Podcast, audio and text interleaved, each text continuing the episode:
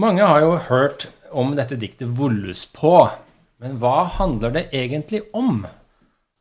Hva kan vi få ut av dette her? Eh, det skal vi snakke om i dag. Velkommen til Einar Duenger Bøhns filosofipod.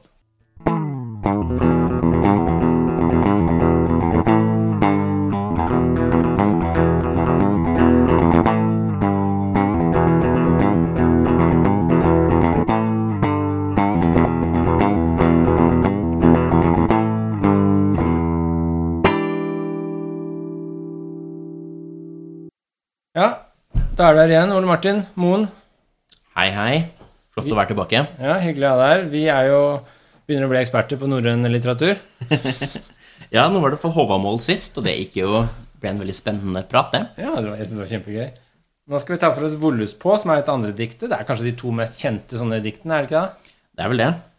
Så da er spørsmålet hva, hva er Volus på, da? Ja. um, det er jo Hvis jeg har gjort min research riktig, så er det, står det for Volvens spådom. Ja, Okay. det er jo, er jo det en, og en spådom Altså Volven er jo denne, denne troll... troll Litt sånn sandsiger, er det ikke en En sånn, sånn sandsiger, ja. ja. Og så er det jo en, en spådom er jo ikke da En spådom er ofte om fremtiden, og det handler det jo delvis om. Men det handler jo også om fortiden. Mm. Så dette er jo liksom historien til kosmos, egentlig. Altså hele fra, fra det begynner til, til det slutter. Jeg, synes dette, jeg må innrømme at jeg syns dette diktet er helt fantastisk, og jeg har lest det mange ganger fordi som du, det, det liksom sier noe om opprinnelsen, så sier det noe om det som skjer, og så sier det noe om ser det fremover. Ikke sant? Så det har liksom, som du var inne på, så det har liksom Det er mat og mening for alt, liksom. Ja. Og kan, man kan kanskje tenke også at mens Håvamål på en måte er etikk, så er vi i Volus på det er metafysikk. Ja, det er metafysikk og litt sånn meningsdannelse, men også Det kan vi komme tilbake til, men det er så jævlig mye håp her. Ja, Det Ja. overrasker meg litt, sånn positivt. det er det. Og, og så det ja, til slutt igjen også. Det er jo ikke det bare at det, det slutter, som vi skal se. Nei, det, ja. det, det Eh, så kan er være en ny kult. begynnelse også. Men uh, bare sånn vi kan, Jeg pleier å liksom si bare sånn kjapt hva, hva plottet er, liksom, da. Bare sånn at leserne henger med uh, fra Mhm. begynnelsen av. Eh, det er jo ikke en krimroman der. Vi skal ikke liksom komme frem til noe mystisk til slutt. Eh, her kan vi ha hele bildet med en gang. Ja. Og det er jo en Vi sa det jo egentlig litt allerede, men det er jo en slags Det er jo en dikt som er skrevet, som de tror det, sånn ca. 900. Nei, dikta sånn ca. 900, og skrevet ned sånn ca. 1200. År 1200. Ja. Så det ble skrevet ned rundt 1200, men noen tror at det har jo gått på folkemunne i flere hundre år før det. Det er vel høyst sannsynlig. Slik at, Og dette er jo da norrøn mytologis opprinnelsesfortelling. Ja. Den forteller hvor, hvordan ting oppsto. Alt, egentlig. Skapelsesmyte. Ja. Eh, og litt om de forskjellige gudene og mennesket og, og hele opprinnelsen. Mm. Og eh, det ender med Ja, det, altså det, det begynner, som vi skal se, da, så begynner det med liksom opprinnelsen, hvor vi kommer fra, hvordan det er skapt, og så oppstår det konflikter, og så ender det med full krig og ragnarok, Ja. som er liksom eh, sånn ofte tenkt på som liksom undergangen. ja Det sånn, ender med at alt liksom går under, men Ragnarok i dette diktet, som er veldig sånn kult og meg, overrasker meg litt når jeg leste det første gang, husker jeg, det er jo at Ragnarok er jo ikke en undergang, det er egentlig en spire til noe nytt. ja. Og det er jo litt tilsvarende apokalypsen også. Ellers Mm. den, den er jo på en måte denne verdens undergang, men den, altså innenfor andre religioner, da. Men også kanskje en åpning mot, et, eh, mot en ny verden også. Ja. Så det som skjer på slutten av diktet, er liksom at det, det begynner å spire og gro igjen. Ja. Så det er liksom en ganske sånn sirkulært verdensbilde, egentlig, som jeg liker veldig godt. Altså det er ikke sånn ja. Vi Det går, det går i en syklus, liksom, Ja, hvor vi er tilbake igjen. du bygger opp uh, kriger, og så går det gærent, og så rives det ned, og så bygges det opp igjen. Kriger går det gærent, så rives det ned. Det går i sirkler. Ja. Og den, det er jo veldig sånn positivt, for da er det alltid håp igjen. Det er noe nytt. Mens hvis du tenker sånn som vi tenker om tiden i dag, som er sånn lineær Den bare går og går og går, og når du dør, så dør du. Da er det slutt. Og universet fryser til slutt, og alt tar slutt. Så er det ikke noe mer. Ja, og Det er ganske den- sånn deprimerende. Også den og de kristne tanken er også at det er en skapelse, og så går det frem gjennom dette løpet én gang, frem til slutten. Og da har vi på en måte kjørt oss gjennom hele historien. Ja. Og vi begynner ikke på nytt igjen, men det, er jo, det er jo en type sånn jødisk, kristen og også islamsk tanke. Mm. Mens både si, gammel gresk tenkning, romersk tenkning, indisk tenkning har jo en mye mer sånn syklisk forståelse av at universet går gjennom sånne faser. Så begynner det på nytt på en måte. Mye mer håpfullt. Ja, Det altså gir mye mer mening, egentlig. Gjør det ikke ja, øh, Jeg blir mye bedre humør Ja. av det. Ja, ok. Ja, det, det, det, det kan Du, godt hende. du vil bare kjøre løpet én gang, og så Nei, avslutte? altså det, det, jeg vil jo tenke at, at, at vi så mye som mulig av verden bør være i en best mulig tilstand. Um, så hvis vi bare kunne klare å på en måte fryse det på en veldig god tilstand, så hadde jeg vært veldig happy. Med det. altså, du, hvis vi bare kan ende på Guds fang og sitte der i fullstendig lykke og, og glede, så er det det beste. Ja. Selv om det ikke skjer noe mer. Ja, korrekt. Det mener jeg. Åh, det syns jeg er så meningsløst. Det skjer jo ingenting. Det er helt meningsløst, men det er veldig, veldig til, godt. da kommer jeg til å begynne med sånn selvskading og sånn hvis jeg blir sittende der. Bare for at det skal skje noe, liksom. Ikke sant? Men, men, du, men du kommer jo ikke til å kjede deg, da, fordi det er jo bare bliss hele tiden. Ja. Så jeg, du, det blir ikke noe selvskading heller, tror jeg. Men det er jo som å ligge i en slags heroinrus konstant, da. Ja, det kan godt hende. Ja.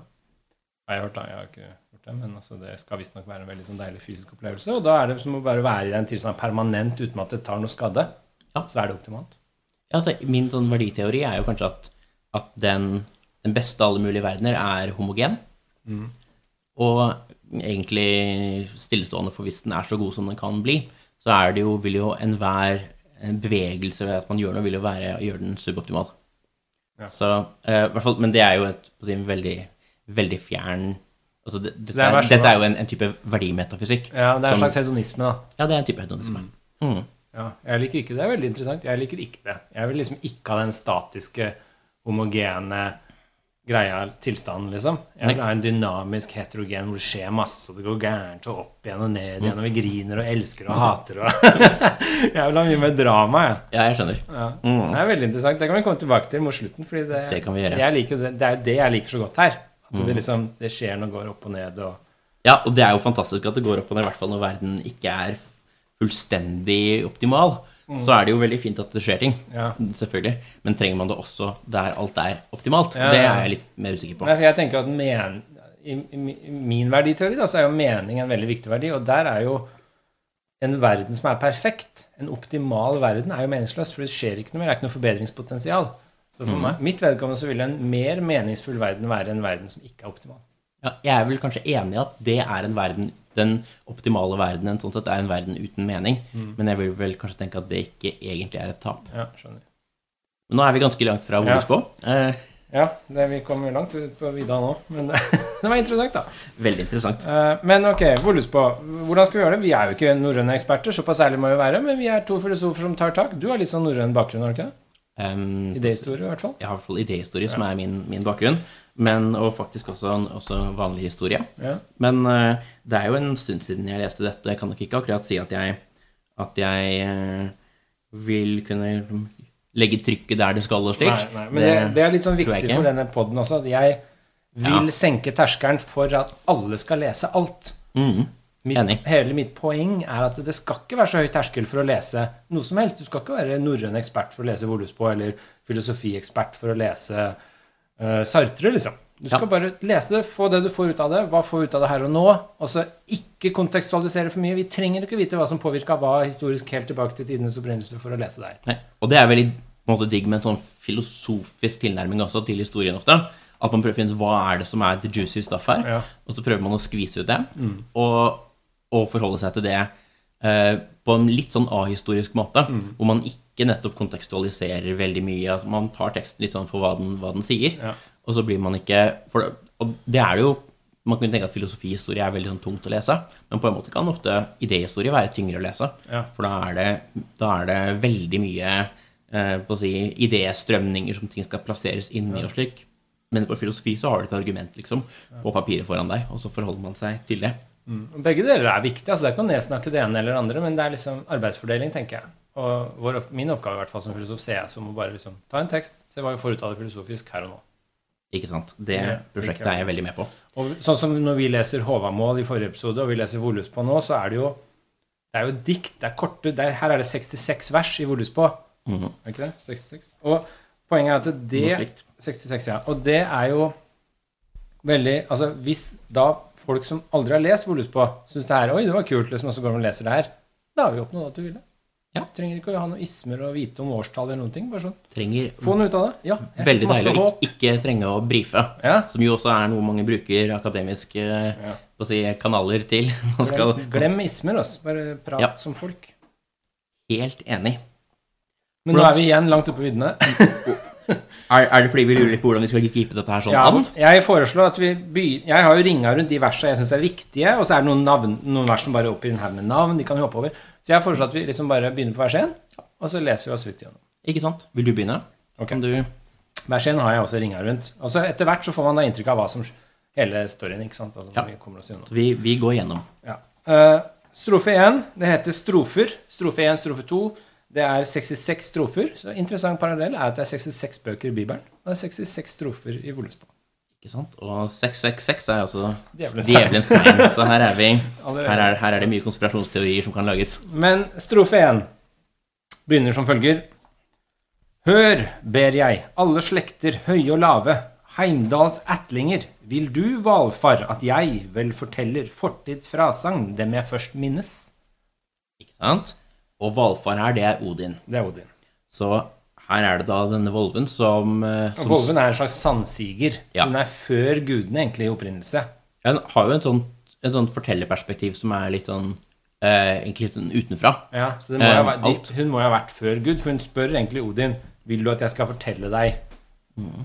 Ikke sant? Uh, fortids så Altså vil jeg skal fortelle deg det som har skjedd, liksom? Ja, det er, Men det er jo ikke sikkert hun, hun vet ikke om hun var der, eller om hun har fått vite det. Nei, men hun sier, er i hvert fall en sannsikker. Det minnes. det Ja. jeg først minnes. Mhm. Ja, Så hun minnes det, liksom. hun minnes det. Så da, så spørsmål Hun spør jo på en måte da Vil du at jeg skal fortelle dette? Ja, Og det er jo Og, og da er vel svaret ja. ja jeg tror det. Men det som er interessant, er jo Heimdal Hun sier 'Hør, ber jeg alle slekter høye og lave, Heimdals ætlinger'. Heimdal var jo da en gud som var forut for Odin og de kjente, mer kjente norrøne gudene. Så Heimdal Googla det rett før her, skjønner du, for jeg kom på at jeg visste ikke hvem Heimdal var. Men det fant jeg ut. Nå skal jeg Heimdal var da et lurer på om det var Heimdal eh, er en av æsene i den norrøne mytologien. Æser er da guder. Han er Ja. æsenes vokter. Eh, eh, så Heimdal han er en av de tidligste gudene. Ja. Så han er før Odin og de. ja. Og her Han er vokteren over gudene, æsene. Ja, og, og her snakker vi da til Heimdals etlinger. Så Ja. her snakker vi da til altså etten Jeg vet ikke om det også inkluderer, inkluderer oss, som jo også stammer ned fra disse gudene igjen, men iallfall til de andre gudene, og til Odin, da, primært her. Men det som jeg også likte veldig godt, er jo første åpningen. Hør, ber jeg alle slekter høye og lave. Sant? Ja. Hør etter. Mhm. Det liker jeg veldig godt. Det er noe vi kan trenge i dag. Ja. Og bare lytte litt. Hør etter. Bare hør hva jeg har å fortelle. Vil du jeg skal fortelle det her? Ja, selvfølgelig vil vi det. Hvis du minnes opprinnelsen. Så, men det gjelder alle, da. Det gjelder oss i dag òg, tenker jeg. Ja, det, Når jeg leste, så ble jeg sånn Shit, jeg må høre. ja, det aller første ordet er 'hør'. Ja, Hør. det er interessant. Begynn å høre litt. Ikke skriv så mye og si så mye. Bare hør etter først. Ja. Og så kan du prate etterpå. Ikke sant? Sier vi, da, som sitter og skravler. Vi sitter og, og prater. Skal, skal jeg, skal jeg lese strofe to? Gjør det. Jeg minnes jotner, født i urtid, de som fordum hadde fostret meg.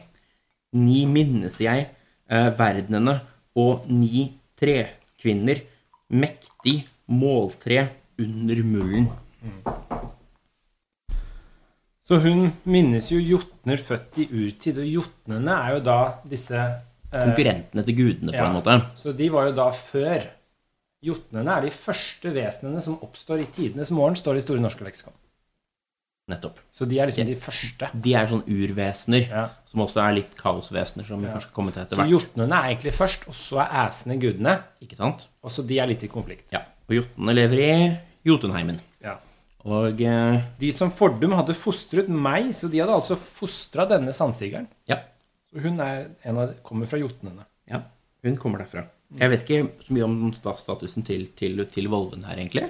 Men, eh, Nei, men det ja. er jo litt sånn implisitt bak fortellerstemmen, liksom, denne Volven, så jeg vet jo ikke Det er jo det Ja, nei, jeg Ja. vet ikke heller. Skal vi gå til, til nummer tre? Ja. Jeg ringa rundt strofe 1 som ganske sånn viktig bare pga. den derre hør. Jeg syns det er veldig sånn Ta det til oss. Og så ringa jeg rundt strofe 3 også. Ja. Jeg syns den er ganske interessant, for her står det Opphavstider var da Ymir bygde. Sand var ikke, og sjø og svale bølger. Jord fantes ikke, og opphimmel. Ginnungagapet var, men gress ikke. Så det som skjer her, er at opphavstider, det var da Ymir bygde. Ymir er jo da denne guden som hele universet er laget av. Ja. Vårt univers. Ja, Slik at er sjøene er Ymers blod, fjellet er Ymers bein, jorda er vel Ymers kjøtt. Altså, det, er, det er liksom Ja. Fjellet er bein, og jord er kjøtt, og vann er blod, ja. og eh, himmelen, himmelhvelvingen over oss, Ja. skru hva det er. Det er inni, det er skallen. ja, det er det, for stjernene er øyet, er det ikke? Jeg er ikke sikker på hva stjernen helt er, men tenk at den, hele den himmelhvelvingen da. Og det, det, Man kan tenke at dette er veldig sånn på en måte Og kan man tenke at dette er åpenbart usant. Ja. Um, men på en annen måte kan man jo si at hvis dette refererer til liksom store liksom kosmiske fenomener, da, som jo faktisk har kollidert med hverandre. Ja. som er en form for konflikt, Ja. så er det jo ikke sånn Det er jo ikke helt, eh, det er ikke helt gærent heller. Eh, at, for vi er jo, jorden er jo blitt til gjennom ganske store kosmiske sammenstøtninger mellom Ja, gigantiske ting. Så det er ikke det, altså det, det er jo ikke helt galt heller. Det kommer an på hva man ser på som nettopp referentene Mm. for disse, disse begrepene. Ja, altså Hvor bokstavelig man tar det, versus hvor avslappa og metaforisk man leser det. Og som en sånn metaforisk skapelses- og opprinnelseshistorie Ja. så kan det gi masse mening, selv om vi ikke liksom Jeg tar ikke det her vitenskapelig seriøst, men jeg tar det liksom meningsfullt seriøst. Ja. Og så er det altså at Og så ser man jo også liksom rekkefølgen ting kommer i her. Altså man, man Det eh, Altså, jord fantes ikke. Men Ginnunagapet var der. Men gress var ikke gress. er jo litt senere, det vokser jo. Men dette Ginnunagapet, det er, eh, det er den store eh, Den store gapet Kløfta, liksom. Kløfta. Ja. mellom eh, Er det ikke mellom på å si, det varme og det kalde, da? Jo, altså mellom godt og vondt, varmt, kaldt, svart, hvitt. Det er vel egentlig den derre den Ja. derre dikotomien-kløfta. Altså, fordi det står uh, Ginnungagapet er jo dette Det var liksom det gapet som besto før jorda og alt ble skapt. Så det var Ja. før lyset kom, før gresset grodde. Før så var det svært gap. Ja. Og da må det ha vært noe på hver side av det gapet som har noen betydning. Men det står jo veldig lite om det her, nå. ja. Så Ginnungagapet er jo dette kjente gapet. Og det er vel der, i det gapet, Ymir begynner å bygge. Ja. Så Ymir er jo denne guden som på en måte alt blir skapt av. Han blir vel drept, og så skaper man universet av Ymir, tror jeg. Men her står det at Ymir bygde, så det er liksom Ja. tvetydig. Og det, det som Men- også er eh, Ja. Nei, men altså, det er jo i det gapet Ymir i hvert fall begynner å bygge universet. Ja. Eller det blir bygd av han. Ikke sant? Og, eh, og Ymir er vel den samme som Yme? Er det det? Samme som Yme. Den Yme, har ja. også flere navn, skjønte jeg. Og som også er viktig med at, eh, at Yme er jo også tvekjønnet. Ja. Og at den som er på en måte opphavet, er selv tvekjønnet, er jo også en, en litt interessant Det er interessant for nettopp å kunne være en slags selskapende kraft. Så nettopp det å da kunne skape avkom selv, som da, da kan, det er jo også en, en interessant eh, ting sånn kjønnsmessig å plassere på ja, opphavet. ja. Skal jeg fortelle en hemmelighet som har noe med det å gjøre. Gjør det. Min, min yngste sønn, tolv år, heter Yme. Ja. Vi døpte han Yme. Og eh, jeg fikk en e-post av en som heter Det er veldig få som heter Yme i Norge. Det er sånn type en håndfull. Sånn fem eller noe. sånt. Det er noen Ymer, men Yme er det Det er ikke mange av det heller, da, men altså Yme er det kanskje sju eller noe. Fem. Det var tre eller færre når vi kalte det. ja. Eh, og poenget er at jeg fikk en e-post av en annen som het Yme. Nå ble han nevnt her, da ble han skikkelig glad for han hører på det. Han fortalte at han ble jo kalt Yme på 90-tallet. Når han ble født på midten av 90-tallet, så ville foreldra kalle han Yme. Og da måtte han kjøre rettssak for å få lov til det, for da var navneloven mye strengere. Ja. Og Yme var ikke kjønnsspesifikt. Det var ikke kjønnsbestemt. Nei. Og Derfor så var de, fikk de ikke lov. Ah, nettopp. Men de kjørte Resak og fikk lov Ja. til slutt. Eh, og i dag er det jo Jeg tror det er guttenavn. Men jeg vet ikke hvor liberal den loven har blitt. Men det ble i hvert fall etablert som et guttenavn. Den er blitt mye mer liberal, og det er vel også en del navn som er tvetydige mellom om de skal være eh, guttenavn eller Ja, litt sånn som Kim på engelsk. for eksempel. Ja. Men i hvert fall Yme er jo da Vår yngste sønn heter Yme, da. Og Ja. han, det gikk jo greit. Det var ikke noe bråk når vi gjorde det. Men han på 90-tallet han hadde visst litt mer trøbbel med å bli kalt Yme. Nettopp. Interessant. Veldig kult navn, da. Veldig, veldig kult navn. Ymer. Det går også under flere navn senere i diktet. Det kommer opp et par navn til som, jeg, som er andre navn for Yme, som vi kan se senere. Ja. Skal, Men det var skal- altså Yme Ja. skal vi ta strofe Jeg tror i begynnelsen her så bør vi nok ta ganske flere av strofene, ikke hoppe over noen helt ennå, kanskje. Ja, ja, Ja, Skal jeg lese nummer fire, da? ja. Før Burs sønner lot landene stige, de som mektige Midgard skapte. Sol falt sydfra, på salens stener, da var grunnen grodd med grønne løken. Hva får vi ut av det her? Um, Vi begynner altså med, med Bur.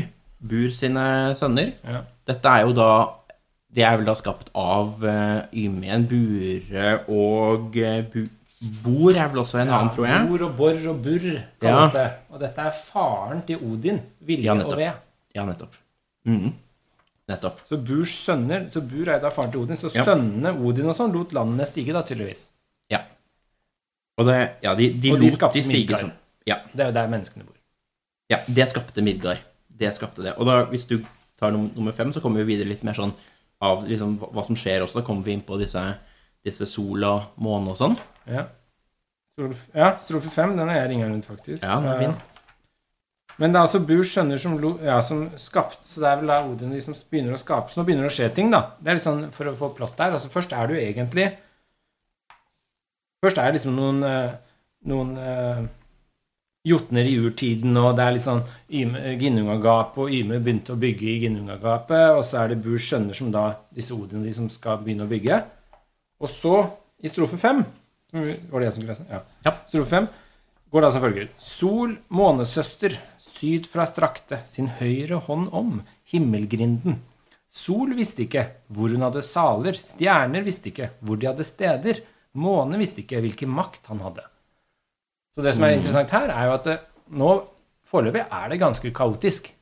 Ja. Ingen vet så mye, ingen vet hva som skal skje. Det er ganske sånn Nå er det, nå er det liksom i Det er bare rot, egentlig. De, Det, er- det er rot og forvirring. ja. Men det er en veldig sånn det man innenfor filosofi vi kaller sånn panpsykistisk forståelse av ting. Altså at det er bevissthet litt overalt. For det er altså de, de Disse er på en måte aktører. Altså solen de, Solen vet ikke, og månen vet ikke.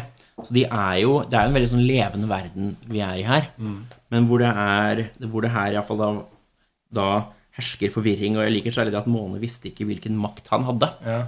Så det er en, det er, det er en, det er en makt her. Ja, men man er har- ikke klar over den helt. Ja, Man, så de har ikke fått noe Jeg tenker liksom de har ikke fått noe skjebne ennå. De har ikke Nei. fått noe, noe de skal gjøre. De vet ikke hva som ligger i alt det de har av kraft, og det er bare kaos, egentlig. Mm.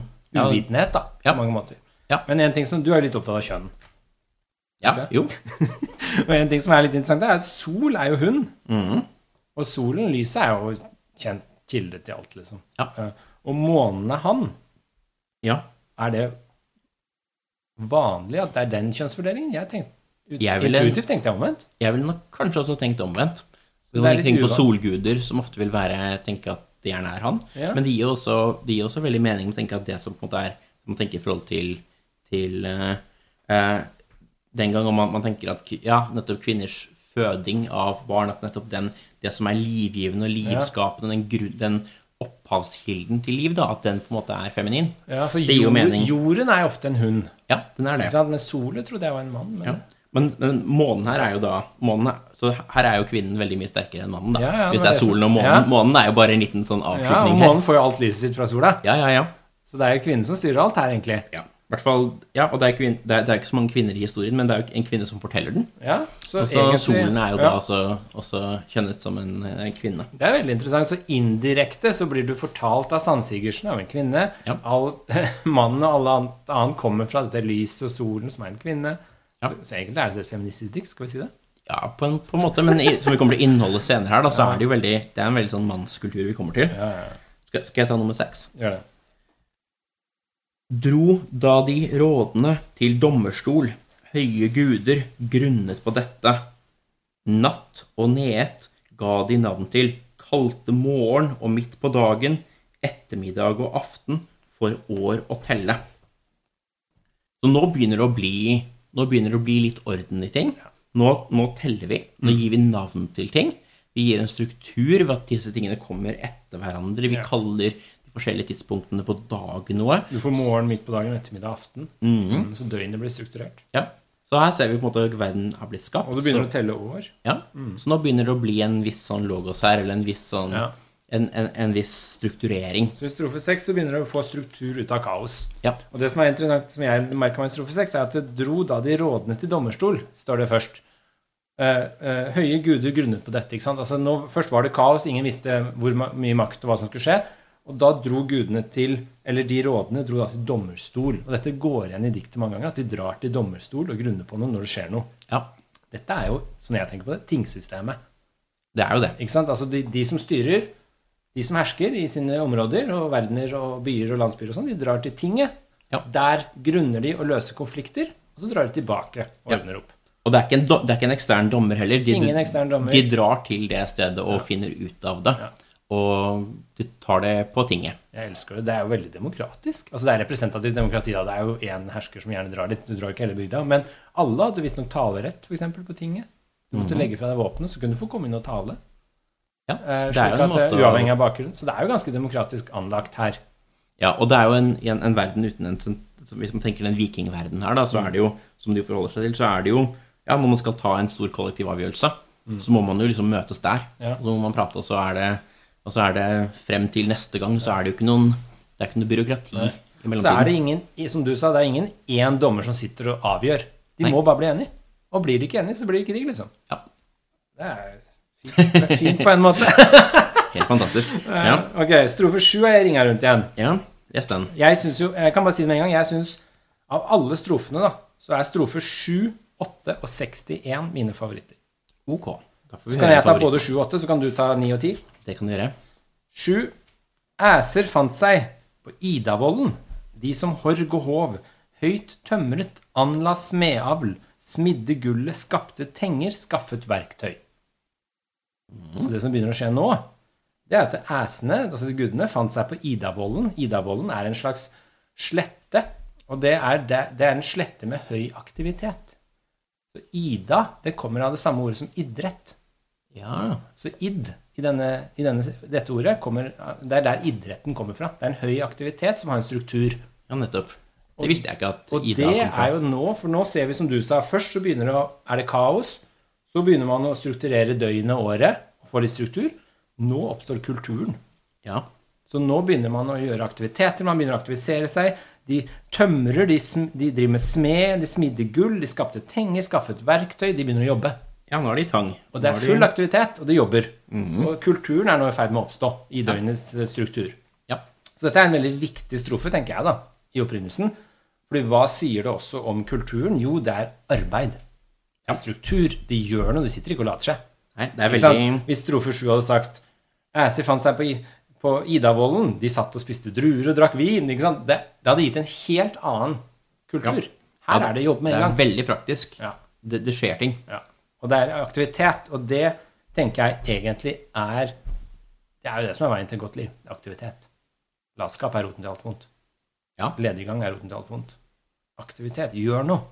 Lag noe, skap noe. Og merk, de tømrer, de med smedavl, de smir gull, de skaper verktøy. Ja, de Aktivitet. gjør ting. De skaper noe. De gjør ting. Så De dette er kultur ikke. som oppstår nå. Ja, nå har kulturen, nå er kulturen jeg- kommet. Jeg syns det er veldig kult. Det er veldig fin. Strofe åtte. Og nå, eh, dette er en videreføring av sjueren, da. De lekte i tunet, så de har det også gøy. Ja. tevlingsglade. De, de konkurrerer. De Mhm. kaster på stikka og løper om kapp, liksom. De lekte i tunet, tevlingsglade, aldri manglet det edle gullet. Det var liksom, nå var det bare fryd og gammen. Høy Ja. aktivitet, de lekte, de spilte, de skaffa verktøy, de skaper ting. Og så står det Inntil tre kom, tussemøyer, overmektige fra Jotunheimen. Ja. Og nå begynner det å gå til helvete. Ja, for her begynner det å Her, her kommer de nettopp tussemøyene. Ja. Så dette er jo på en måte en litt sånn feminint innslag igjen. Ja, men det, er- de kommer ikke så bra ut, vet du. Nei, det gjør ikke det. Det er nå det begynner å bli Fordi nå skal jeg vise Skal jeg finne igjen hva det var Tussemøyer er jo disse Det er bråkebøtter.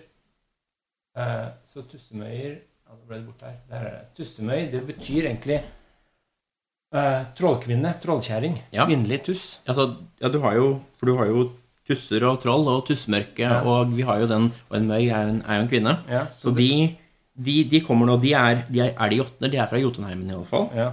Så nå kommer jo kommer de inn her. Og de begynner å ødelegge for assen, ikke sant? Gudene Ikke som nå egentlig bare har masse gull og eh, konkurranser og lek og moro og skaper ting og verktøy og alt. Ja. Og så kommer tussemøyene. For det står jo det 'inntil tre kom tussemøyer'. Der kommer de. Fra Jotunheimen. Og da Ja, det er veldig fint. Skal jeg, skal jeg lese nummer ni? Ja, ja. Dro da de rådene til dommerstol Her er vi den, den begynnelsen har vi, Ja. har vi hatt i stad. Høye guder grunnet på dette. Hvem skulle dvergeslekten danne av Brimes blod, av Blåinns legger? Og brime og blåinn er her yme. Det er bare andre ord for yme. Det er det. Det er det. Så det som jo er, eh, er det, det som Man skal tenke litt sånn på å si religions eh, Eller filosofisk måte på det, så er det jo interessant at her er jo For det første, gudene er jo Det er ikke bare slik at verden er skapt av en gud, men gudene er jo også skapt. Altså Det er en teogoni, som det heter. altså Gudene er også noe som skapes. Men her er det jo veldig spennende, for nå kommer vi jo til, til at eh, verden sånn som den er nå, skapes jo da med utgangspunktet i en, nettopp i en gud. Så her bruker man på en måte den ene eh, Yme som, en, eh, som byggeklosser. Ja. Så det er jo litt sånn på en måte et, et sånt farsdrap, eller gitt vi kjent det, både fars- og morsdrap, på en måte, som vi nå står overfor. Så de, så de tar jo rett og slett og, og og Merk også at det er dvergeslekten nå som skal danne noe. Ja. Det kommer litt ut av det blå. Dvergene plutselig. For dvergene er jo en egen greie her. Ja. Det er jotner, det er æser, og så er det dverger. ja. Og dvergene er veldig arbeidsomme, tror jeg. Det er de. De er veldig arbeidsomme. Hvor de kommer helt fra, det er jeg litt usikker på.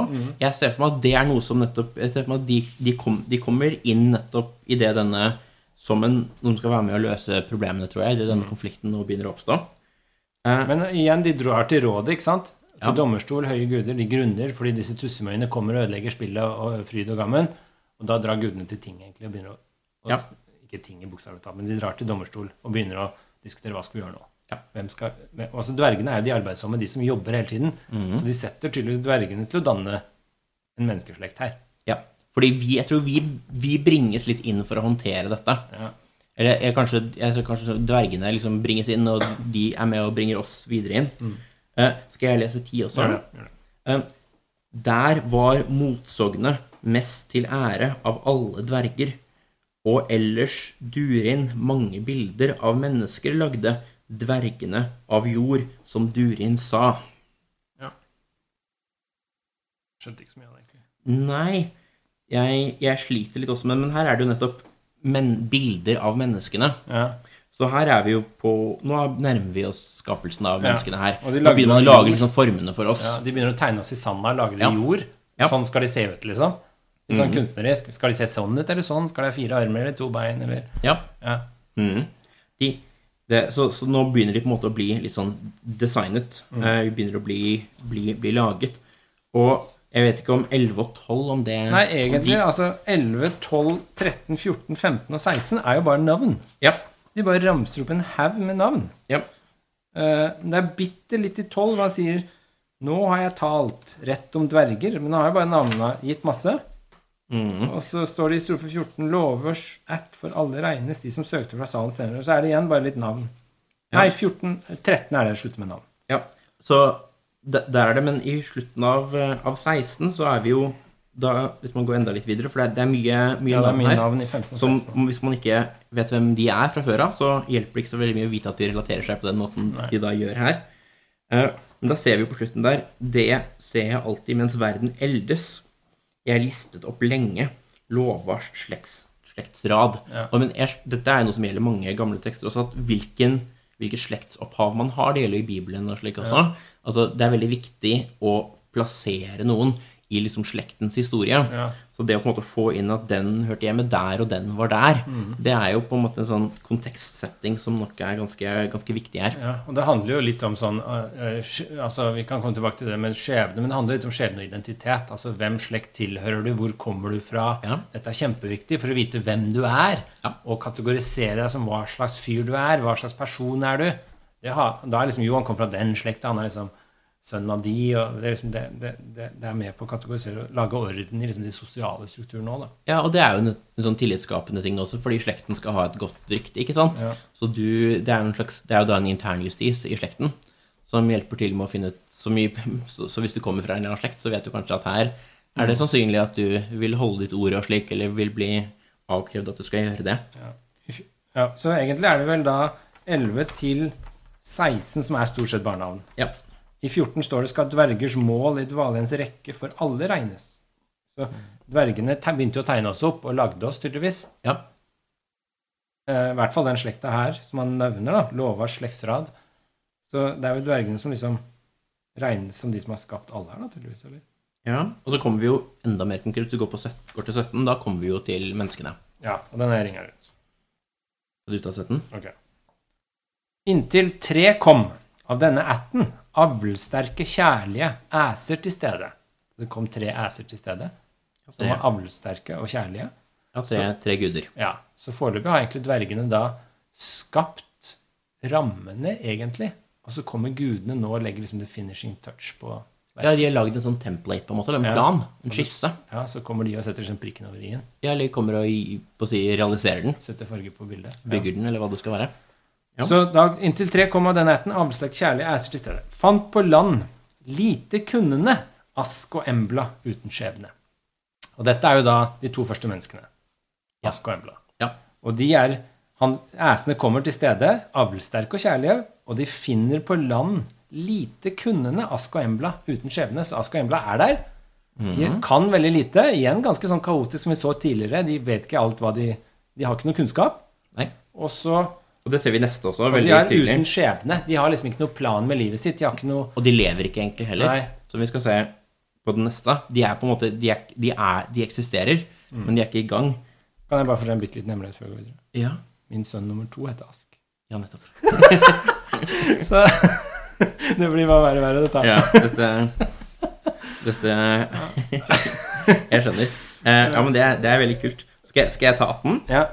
Ånde hadde de ikke, eide ikke tanke, verken lyd, blod eller levende farger. Ånde ga Odin, åndskraft, høner, lodur ga blod og levende farger.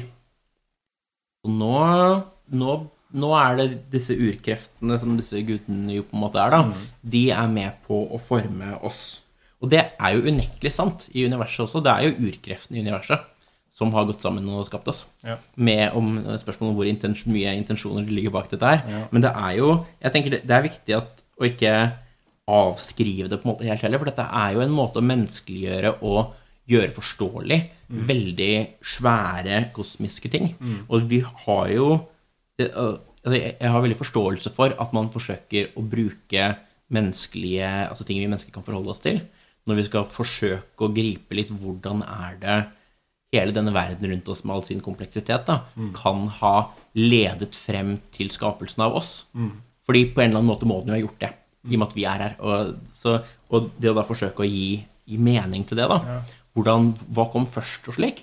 Og her syns jeg jo det at måte, himmelen kommer først, og altså, selve universet er der, og så kommer jorda etter hvert, kommer stein opp av havet, så begynner gresset å gro, og så kommer nå kommer vi, men, vi er ikke kommet ordentlig i live ennå, men vi nå, nå begynner vi å få livskreftene, da.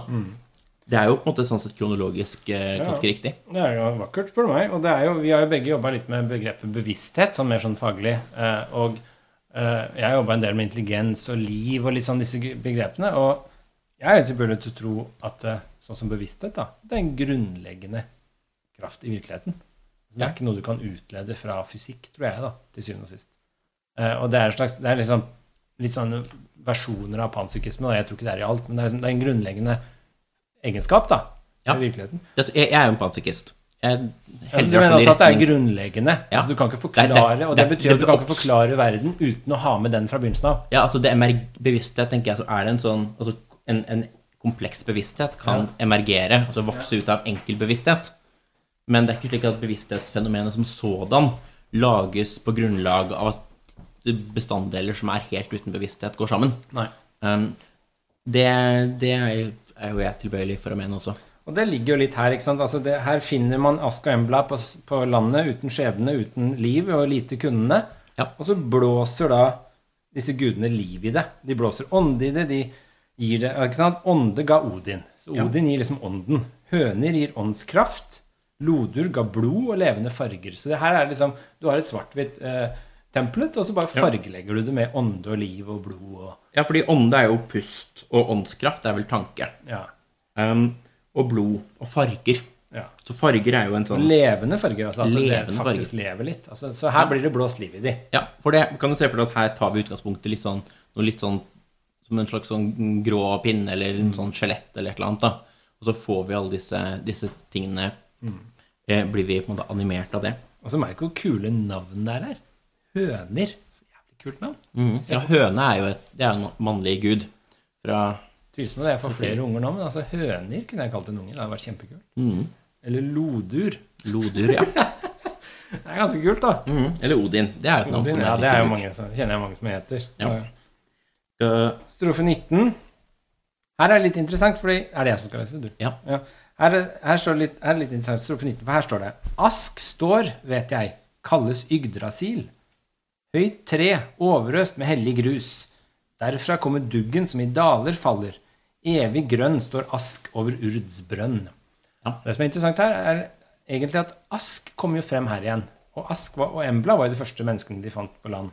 Ja. Men her er nok ask dette verdenstreet Yggdrasil. Så her leser jeg det som om at Yggdrasil er, et, er en ask, altså den type tre. Ask er jo navn på en tresort. ja. Så jeg tenkte ikke at dette er ask fra ask og embla. Dette er ask fra type tre-ask. Det er en ask. Yggdrasil er en ask. Ja, kanskje. Det har ikke jeg uh, Sånn leste jeg det, fordi plutselig så står det Ask står, vet jeg, kalles Yggdrasil. Yggdrasil er jo verdenstreet. Det er jo Mhm. dette treet som på en måte duggen drypper fra, og det er, liksom, det er jo roten til Ja. alt. Det kan godt hende at Og det, det er jo et spørsmål om det er et slags opphav Altså det er noe av det samme også, om vi mennesker har laget noe som kan kalles da ask. Men hvordan den ask, ask står, vet jeg, kalles Yggdrasil. Jeg, Det er jo litt sånn Yoda-språk her, ikke sant? Sånn derre Det er litt sånn Star Wars Yoda-aktig. De ha snudd litt på rekkefølgen i naturlige setninger for oss i dag, da. Ja. Men eh, Ask står, vet jeg, kalles Yggdrasil. Det er jo litt sånn Yoda, liksom. Jeg kommer i Nei, i fred jeg kommer. Ikke sant? Det er sånn Yoda snakker. Sånn er det litt her òg. Ask står, kalles Yggdrasil. Ikke sant? ja. Men med mindre Man kan kanskje også lese den som at nå har Ask på en måte reist seg opp, og Ja. Ask står.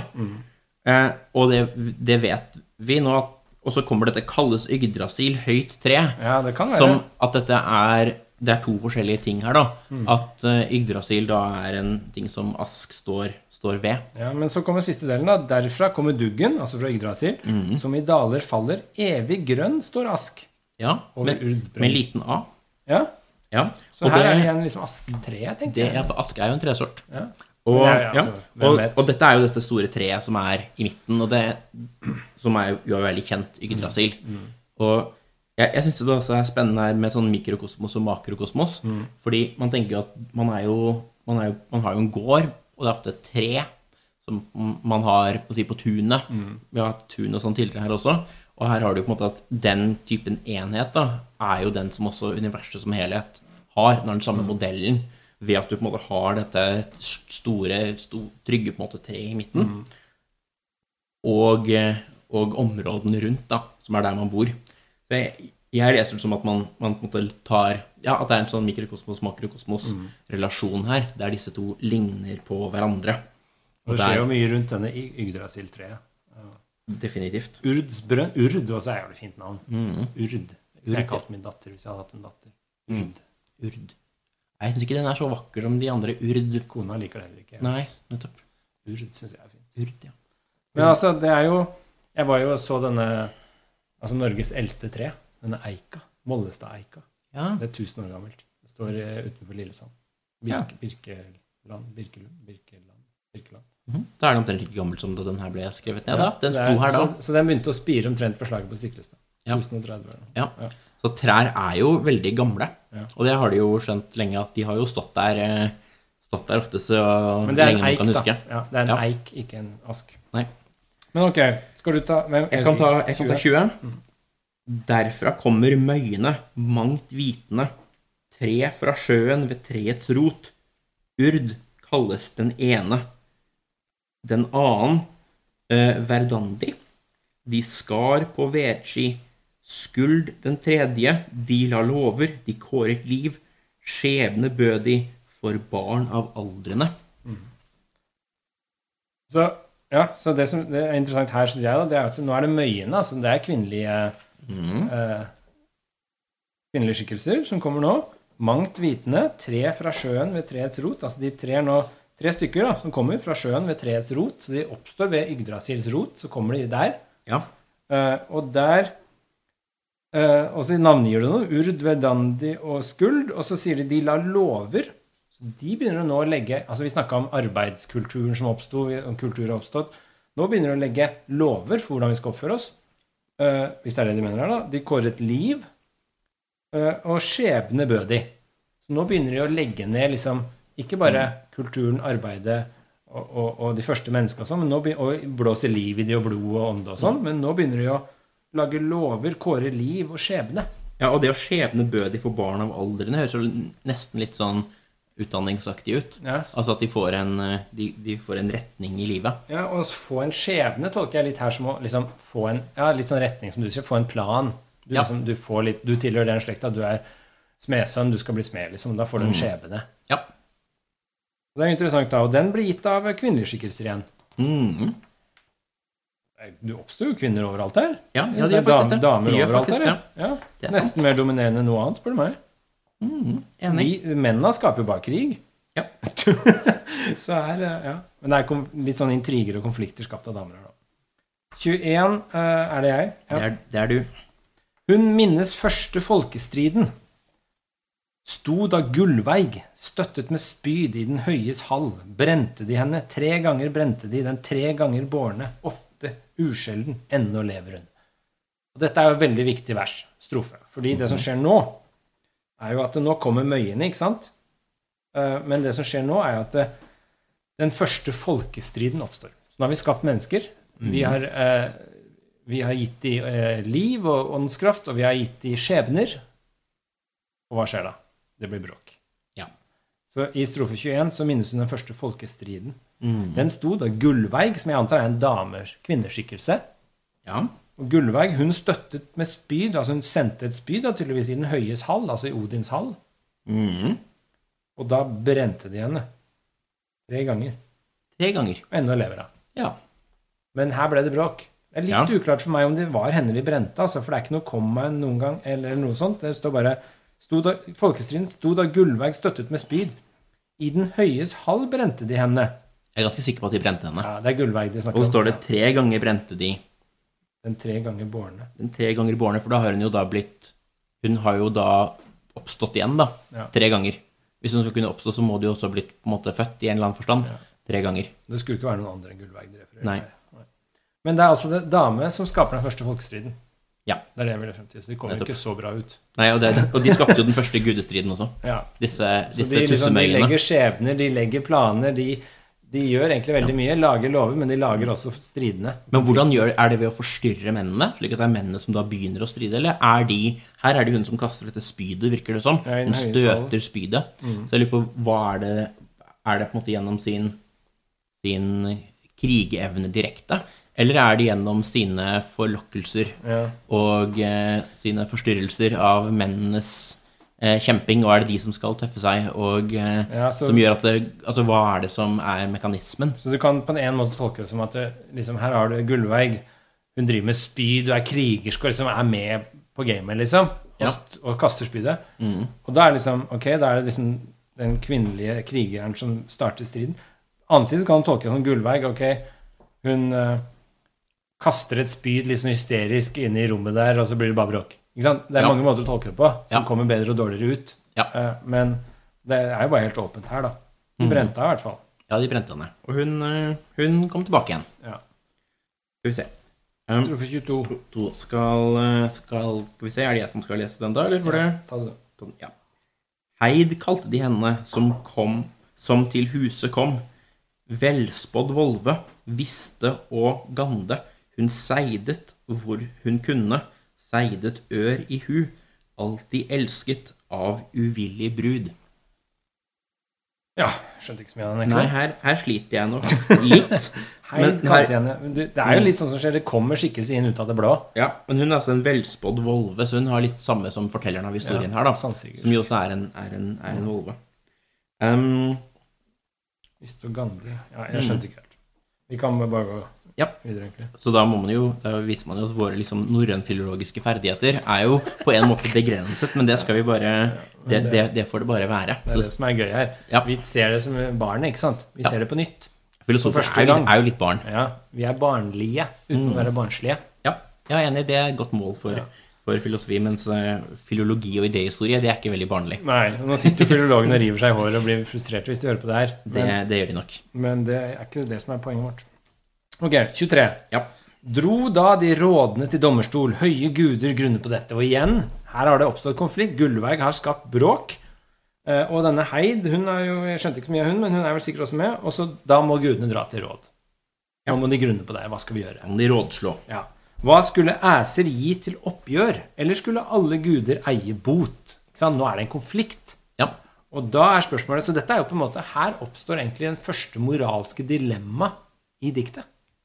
Fordi nå må gudene til, til For den første runden så kom disse Altså første gang de dro til tinget, holdt jeg på å si, så kommer jo eh, Da lurer de bare på hvem skal dvergeslekten danne. Det er strofe 9, fordi da kommer disse tussmøyene fra Jotunheimen. Og da er det uklart hva det er som skjer. Ja. Det skjer liksom ikke noe konflikt. Og da drar de bare til rådet og lurer på hva skal dvergene danne av Yme.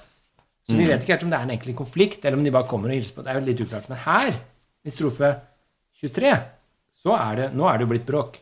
Nå er det blitt bråk. Så nå er det et ordentlig moralsk dilemma. De gudene må ja, rådføre hvem, seg. hvem skal på en måte Ja, det De står hva, hva skal de gi til oppgjør? Ja, de de må gi noe. Altså, her skylder de noe. Skyld har oppstått her nå. Ja. Fordi de føler hva skulle æser gi til oppgjør, eller skulle alle guder eie bot? Ja, Skal de bare fordeles på en måte likt, eller har noen ansvaret for dette? Ja, dette er jo en sånn fordelingsrettferdighetsspørsmål. Og vi snakka jo om i Håvamål litt sånn Det jeg i hvert fall ikke likte, var den der øye for øye, tann for tann-mentaliteten. Her er det jo Her har det skjedd et eller annet. Gullveig har kasta spyd, så hun er vel en av æsene, da, siden det er æsene som skylder noe her nå. Det virker jo som om hun er det. Og her har det da her, det, det virker som om man lurer på hvordan man skal kunne gjøre dette ja, godt igjen. Mm. Og at det er de som på en måte er ansvarlige for det. Uh, Så merk nå at i 21, da når Gullveig kaster etter spydet, så blir det litt sånn Da oppstår det en folkestrid. Ikke sant? Og så begynner du å lure på hva skal vi gjøre til oppgjør. Og så Ja. hvis du leser 24 nå, det er da det virkelig trår til. ja, Og da er det Odin som er involvert. Nettopp. Odin flenget spyd i flokken. Da ble første folkestriden. Brutt lå bordvegg om Åsaborgen. Vanene visste å slåss på vollen. Ja. Så de klarte ikke helt å Så det ble liksom litt bråk med Gullveig, men når Ja. Odin kasta spydet, da ble det bråk. Ja, fordi, fordi de har ikke klart å komme frem til noe, egentlig. De har Nei. ikke blitt enige. Nei. Så her ser vi jo at den egentlig på en måte litt mindre Altså det, det er jo et spyd Gullveig kaster også, Ja. og, men Odin flenger også et spyd her, da. Ja. Men så Men Gullveig kaster i den høyes hall. Hun kaster Ja. Odin hall. Så det virker som den er liksom hjemme hos noen. Mens Odin han kaster det vel i flokken på de Mm. rådende dommerstolene, eller? Hvem Ja, flokk snakker vi spyd om? i flokken. Det kan hende det er rett og slett der man står og nettopp skal prøve å rådslå Ja. om dette. Og der der skjærer det seg så mye at han skjærer spydet. At han flenger spydet. Det virker jo sånn. Åsaborgen, jeg vet ikke helt hvor den ligger. Det vet jo sikkert de filologene som hører på. Ja, men det er i flokken, ja. Vet du, Mm. ja. Men han altså, Brutt lå bordvegg om Åsaborgen. Og da er det Ja, så nå har det blitt slåsskamp. Ja, nå, han Nå har det spydet eskalert. hardt. Her brøyt vegger Ja. og alt. Og nå Ja. slåss de på vollen. Så Ja. vollen er jo denne sletta, Ja. ikke sant. Som. Ja. Så nå, nå har det blitt ordentlig Ja, altså konflikt, konflikten har eskalert, da. Ja. Det er jo en Og strofe 25 dro da de rådene til dommerstol, høye guder grunnet på dette igjen. Så må de til dommerstol, for nå har Odin liksom bråka det til igjen. Ja. Eller skikkelig, så nå må de til dommerstol igjen. Uh, og grunne på dette. Hvem blandet all luften med ond skade og ga Ods møy til Jotunætten? Så her har det skjedd Ods er vel Odin, da.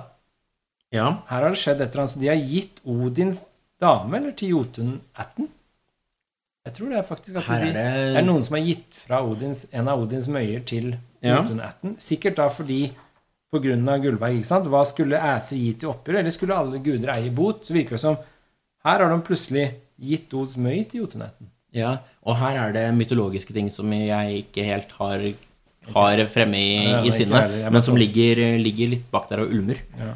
Skal, vi lese Skal jeg lese 26? Ja. Thor ene slo i olmt sinne. Han sitter sjelden når sånt hender. Avgikk edene ord og løfter. Fasteste forlik som folk kunne gjøre. Så Thor er også med. Ja, Og så sier man at avgikk edene. Betyr det at, at eder edre ord og løfter her, da, Blir brutt. de blir brutt. Så fasteste forlik, de så blir brutt. Sånn jeg, sånn jeg tolka så rabla det for både Odin og Thor her nå. Ja. De var fryktelig sinte. Ja. Og da sitter Odin slo i ånd siden han sitter sjelden, og sånn hender ikke sant? Her Ja. bare Nå bare fløy ord og lovnader og alt i værs, Ja. fordi nå er det krig, liksom. Ja, all bets are off, som man kan kalle det. Ja, altså her ja. er det Nå er det barfight. Ja. Ja, det er en måte å Nå, er liksom, ja, nå flyr cowboyhatta rundt. Ja. Eh, Det gjør de. Strofe 27. Hun vet løgndom, Heimdalslyden under hellige himmeltreet, hvor det øses med fo- fossende aur fra hvalfars pant. Vet dere nok, eller hva? Mm. Det som er, jeg skjønte ikke så mye av det, men det som er litt interessant her, det er Flere steder så går det igjen denne at denne Volven som leser det her, fortellerstemmen, Ja. hun sier noe, så sier hun 'vet dere nok', eller hva? Ikke sant? Vil dere vite mer? Mm. Holder dette? For dette blir jo ikke bra. Ja. Er dette nok? Skal vi gi oss nå? Hun spør om det flere ganger. Og det, det gir jo mening i en sånn muntlig fortellertradisjon også. Ja. Da har du et publikum du står foran, som du spør om dette. Og, og ja, men fra valfars Valfar er vel igjen Odin. Det er Odin og Valfars pant. Det er Ja. Mimes brønn, er det ikke det? Det kan hende. Jeg tror det. Altså, det kommer senere at han gir jo øyet sitt til Mimers brønn for å få visdom. Ja. Så legger han øyet i pant. Mhm. Og her eh, Over det øses med fossende aur, så de øser vann fra Mimes brønn, tror jeg. Det kan hende de gjør. Jeg tror det er det det betyr. Ja, det kan hende. Vet dere nok, eller hva? Uh, du kan lese 28. Ja. Ene satt hun ute, da kom den aldrende åsen Yggjung og så i øyet. Hvorfor spør du meg? Hvorfor frister du meg? Alt vet jeg, Odin, hvor du gjemte øyet. I den mektige Mimesbrønnen. Sin morgenmjød drikker Mimir av hvalfaders pant. Vet dere nok, eller hva? Det er jo den der Han la øyet sitt i Mimes brønn mm. for å få visdom. Så det er jo det som er panten. Han gir øyet i pant for visdom. Og den ligger i Mimes brønn. Og Mimes brønn er jo denne brønnen av kunnskap. Ja. Altså, jeg googla det akkurat nå. Mime er i norrøn mytologi vokter av visdomsbrønnen som ligger ved en av Yggdrasils røtter. Mime er kjent for sin visdom, som han hver dag holder ved, like ved å drikke av brønnen. Det er eh, Store norske leksikon.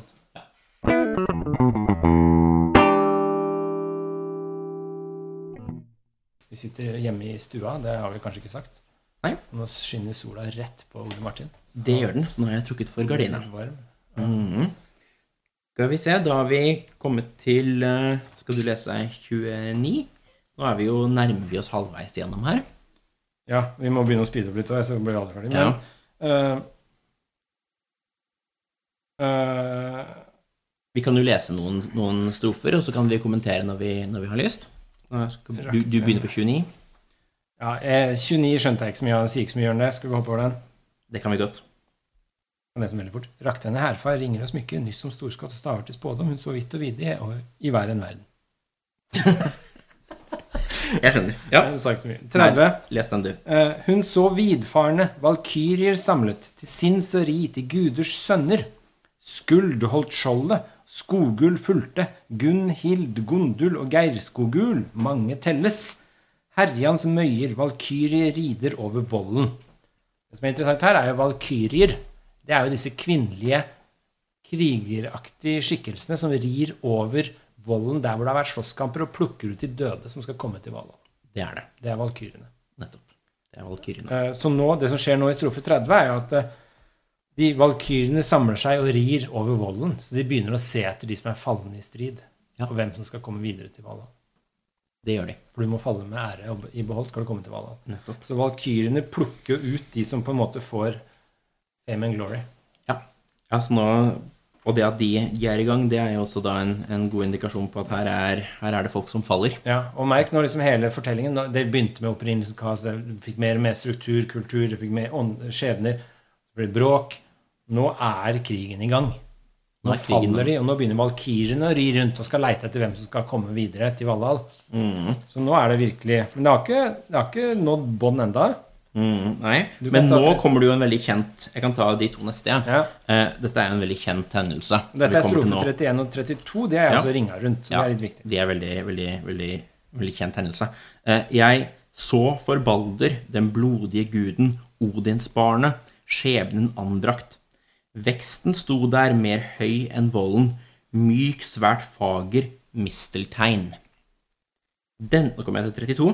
Denne kvisten kunne jeg se, for hatt pilflukt, hod tok skuddet, bror til Balder ble brått født, en natt gammel grep han hevnen.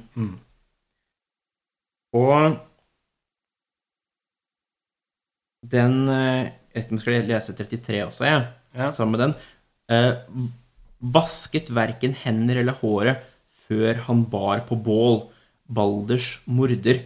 Da gråt Frigg sårt i feensaller, all Valhalls ved. Vet dere nok, eller hva? Så her er vi jo ved denne mistelteinen. Det er ikke som eh, eh, brukes til denne pilen som dreper Balder. Den er jo det Så er- Balder-drapet er jo viktig, for nå tar det helt av.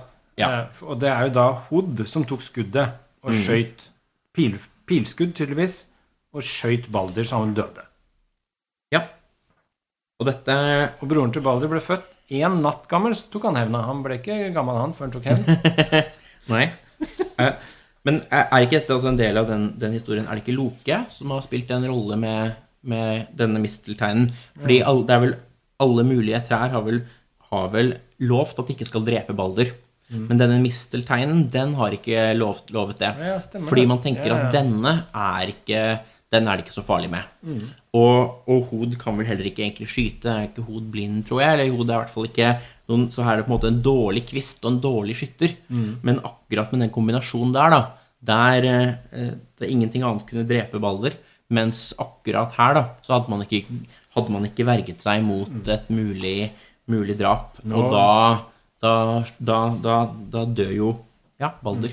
Nå briljerer du med norrøne kunnskaper. Jeg husker det her nå, det er barndomskunnskap fra liksom, eh, mytologien. Det, det er akkurat det der, Eller kanskje jeg har sett det i en eller annen film? Eller, jeg, jeg, jeg, Det er litt sånn grunnleggende Ja, jeg husker det veldig godt når fortelling. du sier det nå. At den, e- han utnytter det ene svake punktet som alle overså. Ja. Så bruker Loke det til å manipulere hvis- og få til Det er det Ja, som det gjør er Loke, Jeg er litt usikker på om det er Loke som gjør det, men jeg tror kanskje det er det. ja, fordi Ja. det er i hvert fall det der, Jeg husker den moralen om at det er liksom det ene svake punktet alle har oversett. Mm. Det er dumt, liksom. Du skal Ja. være varsom. ikke sant? Du skal ikke overse sånne ting. Mm. For det kommer og biter deg i halen senere. Det gjør det. Stemmer Så det.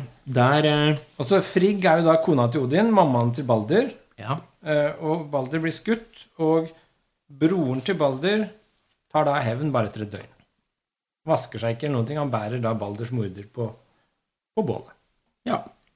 Og Balders morder var jo da Det står i forrige. Det var Hod. ja. Mm. Skal du, du lese lese Ja, det siste 34 er bare bitte litt, ekstra viktig egentlig heller. er du, du, kan, du kan jo lese du kan, du kan jo lese et par strofer. Ja, ok. Det, jeg- det visste Vale og vikle drapsbånd helst var de leie lenkene av tarmer. Vale vikla drapsbånd av tarmer her. Mm. Men eh, Jeg har ikke ringa ut noen av de her, egentlig. Det, det gikk litt, jeg skjønte ikke så mye av disse 35 og 36. Vi kan ta de her, da. Bundet så hun ligge under kjelelunden, skadefrydens form lik Loke. Og her dukker jo Loke opp for første gang. Der satt Sigyn, sjelden ved sin mann i velvære. Etter nok, eller hva? Strofe 36. Elv falt østfra, i eitredaler av kniver og sverd. Slid er den kalt. Og nå, begynner det, nå, er det liksom, nå er det mørkt. Nå begynner det å bli mørkt, fordi nå kommer det en elv østfra av kniver og sverd. Så nå renner det på med våpen her, rett og slett. Mm. Mm. Skal jeg lese 37 og, Ja. og 38? Ja. Um, dette er jo liksom det Som jeg ser det nå, så er det beskrivelser, egentlig, av, av krigen som har blitt enda, enda større. Sto i nord på Nidavollen, sal av gull for Sindres ett. En annen sto på Ukolne, jotnenes øl, ølhall, eid av Brimi. 38. Skal jeg ta den også? Sal ser hun stå fjernt fra solen. På Nåstrand. Nord står døren slår døren. sl slår døren. Ja. Eiter drypper inn av jorden, eller jorden, eh, veggen utvevd med ormerygger. Altså, jeg skjønte ikke så mye av det, men det er mørkt. Altså Her er det jo Veggen er lagd av ormerygger, og nå begynner det å bli mørkt, sånn jeg tenker. Men Ja, ja, er det blir enda mørkere nå hvis Ja. du tar 39 og 40, for eksempel. Eh, Der så hun vade i vonde strømmer mensvorne menn, mensvorne menn og mordvarger. Og den som tar fra annens hans øyensten, nidhogg drikker av de dreptes blod, ulv eter lik, vet dere nok, eller hva? Nå er det svart, altså. Nå, er det, blir, nå går ulver rundt og eter lik, og de drikker blod, og nå er det og Strofe 40.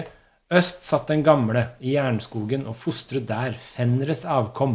Og blant dem alle blir det en som eter solen, iført trollham. Så spiser opp sola. Da blir det mørkt, for det er ikke noe lys igjen. Da blir det mørkt. Så bokstavelig talt blir det mørkt. Mm. Nå blir det, blir det mørkt. Jeg, jeg leser 41, jeg, da. Han fyller seg med feiges liv, gnir guders benk med blodrøre. Sort ble solskinnet somrene etter.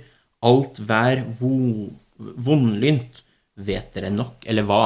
Jeg, jeg ser for meg en sånn Man forteller et litt sånn groteskt eventyr til barn. Ja. Og så er det sånn Vil dere høre mer? Og så er det masse blod og gørr og Nå går ulvene og spiser lik. De har slukt sola, så sola er mørk. Den er sort. Sort ble solskinnet, faktisk. Alt vær ble vondlynt. Det ble dårlig vær. Dårlig vær, ja, det, og ja, Du kan lese gnir 42, ja. guders benk med blodrøre. Ja. Det er, ja. Eh, satt der på haugen og slo harpe. Eh, Gygrens vaktmann, glade eggter. Da gol over i galgetreet. Fjalar het han, fagrerøde hanen. Der er vi på et galgetre. Nå er det jo, som du sa, lange beskrivelser av hvor mørkt det har blitt. da. Nå Ja. er liksom krigen Nå er det på, begynner det å bli på sitt verste. Mm. Her er 43 og 44, da. Gol hos æser, gullinkamme vekker frimenn for herja far. En annen gol under jorden, sot, sotrød hane nede i Hels rike. Hel er jo dødsriket. Mm. Garm stormgjør ved gnipaheller, fester slitner, og ulven farer. All har hun innsikt, jeg ser frem lenger til Ragnarok for rådsguder. Og denne strofen, 44, den gjentar seg flere ganger. Det er også en sånn gjentagende greie. Den Ja. derre garm stormgjør ved gnipaheller, feste slitner, og ulven farer. Altså, nå er det kaos. Ja, og her er det og, Og nå er Ragnarok Hun ser fremover til Ragnarok. Ja, og det er det litt viktige med, med her sånn at nå denne nå ser vi inn i fremtiden. Fra nå av så har vi på en måte Nå har det virkelig tilspisset seg. Ja. Og hvor vi er Hvor vi akkurat nå er i denne, denne situasjonen, det vet jeg ikke helt. Altså hvor langt vi har kommet. Men nå begynner denne spådommen ikke lenger å være en, en fortelling om hva som har skjedd, men nå er det en, en det vi i dag ville kalle en spådom. Altså at man ser innover i hva som kommer til å skje. Så et eller annet sted inni her har vi på en måte krysset den tids, det tidspunktet vi, menneskeheten, nå er på. Ja. Og her gjøres det i hvert fall helt tydelig jeg ser frem lenger. Så nå det- Ja, så det kan, vi vet i hvert fall at, at vi har kanskje ikke kommet så langt i konflikten ennå. Det er mulig vi måte at vi nå er litt lengre, enda litt lenger bakover i historien, der vi, Ja. altså for et par strofer siden. Men nå er det i hvert fall veldig tydelig at nå ser vi, nå ser vi fremover Mm. til det som kommer til å skje, og ikke det som har skjedd eller skjer nå. Men det som, en ting som slo meg, var at så langt, da Nå kommer det litt mer etter hvert, men så langt, så Det er jo ikke menneskene som har drevet krig, er det det? Aska Embla? Hva skjer? Nei, det er ikke det, Det er jeg, jeg, jeg tror vi er på en måte for små og litt sånn ubetydelige. Ja, sånn, ja, I forhold til disse Jeg, jeg tror, tror vår, våre små konflikter er nok ganske De er ikke viktige Nei. i forhold til de litt sånn større kosmiske kreftene. Men det er et spørsmål om, om en del av disse kampene som disse gudene kjemper, utkjempes gjennom oss. Altså For dette er jo også krefter i oss, Mm. Ja, ja. og som kan være på vår side. Så vi kan jo være en del av Altså det, det vi gjør, kan være en del Det kan være at Odin og Thor og co. kriger også gjennom, gjennom oss mennesker. Jeg tenker Ja. det er kompatibelt Og så med Thor drar vel ned og blander seg litt med menneskene, gjør han ikke det? Ja, altså det, det, Det det, er litt flytende grenser her. Ja, vi, ja for, fordi vi kan jo ha, en, ha forskjellige spor av disse i oss. Og det er jo det som jeg elsker med politisme. Altså den Ja. ideen om at det er mange guder. Så kristendommen, for eksempel, da, det er jo en monoteisme. Det er én allmektig gud som styrer alt. Ja. Mens politisme, som du finner i gresk mytologi, i norrøn mytologi, så er det en haug med guder. Ja. Og det som er så kult med det, er at det er jo mye mer sånn derre mangfoldig og, og mange uh, nyanser og sånn som representerer de forskjellige delene av oss. Du har liksom kjærlighetsguden, du har krigsguden, du har solguden, du har liksom alt sånn som representerer de forskjellige sidene av oss. ja. Og så kan vi identifisere oss mer med noen enn andre, osv. osv. Det er mye mer interessant og nyansert idealer å se opp til og ned til. Og de er som oss, de feiler, de kriger, de gjør gode ting, onde ting. De er oss, da. I forskjellige aspekter. Ja, de er Mens fall denne monoteismen, kristendommen, så kjedelig. Det er liksom den ene guden som sitter der er perfekt, da. Og så vi bare skal gå rundt og skamme oss og føle skyld for at vi ikke klarer å oppnå det den vil. Jævlig kjedelig. Ja, altså den, den er jo mer sånn Hvis man tenker at den beste tilstanden også er en tilstand hvor det skjer veldig mye, Ja, sånn så er jo det en mer sånn poli, polyteistisk ja, ja, ja. tilstand. Det forklarer mye. Du vil Mens ha denne den- monoguden, du. Denne ene guden som bare alt er perfekt. Ja. Ja, ja. ja. Jeg er nok eh, Nå skjønner vi forskjellen. Ja, jeg, er- jeg er nok litt Altså, jeg, er nok litt, litt mer har nok et lynne som går litt mer i den, den retningen. ja, ja. Det er veldig interessant. Altså, jeg, det, det jeg liker med den mytologiske gudene, politismen, er jo nettopp det du Altså, jeg liker jo også dette, men det er på en måte den beste mulige verden, da. Der er det på en måte Der er det bare harmoni. Men uh, her er det ikke harmoni. Nei. Skal jeg lese 45? gjør det. Ja. Brødre bringer bane for hverandre. Søskenbarn bryter slekt, slektskapsbåndet. Er i verden, hor rår grunnen. Eh, sverdtid, økstid, kløves alle skjold. Vindtid, vargtid, før verden senkes. Ingen vil unne annen liv. Her er det Nå der, er vi- Nå altså, er dreper de. sånn- Bringe bane er jo å drepe. Ja. Og det er liksom Ingen vil unne annen liv. Nå er det jo egentlig et, et anarki blitt. Altså Nå er det jo Nå er alle lover brutt, alle eder brutt. eh, Nå er det full krig. Og så brødre binger braner for hverandre. Søskenbarn bryter slektskapsbånd. Altså nå Familiene splittes. Og nå rakner alt Ja. her. Nå er det en eh, Altså hele samfunnsveven, på en måte. Ja.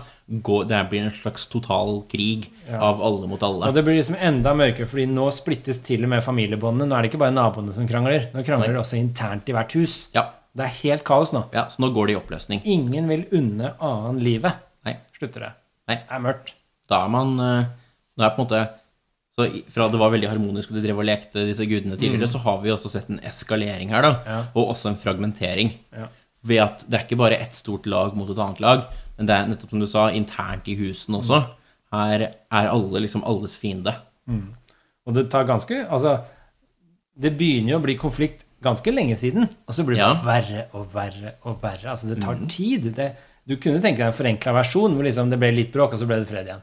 Veldig Ja. kort volus på. Men her blir det bare mørkere og mørkere, og til slutt så begynner familier å splittes. Det, det er liksom ikke noe igjen. Ja. Ja, det er ganske interessant. Strofe 46. Mims sønner leker, målet forkynnes gjennom det skarpe jallarhornet. Heimdal varslet, hornet var løftet, Odin mælte med Mims hode.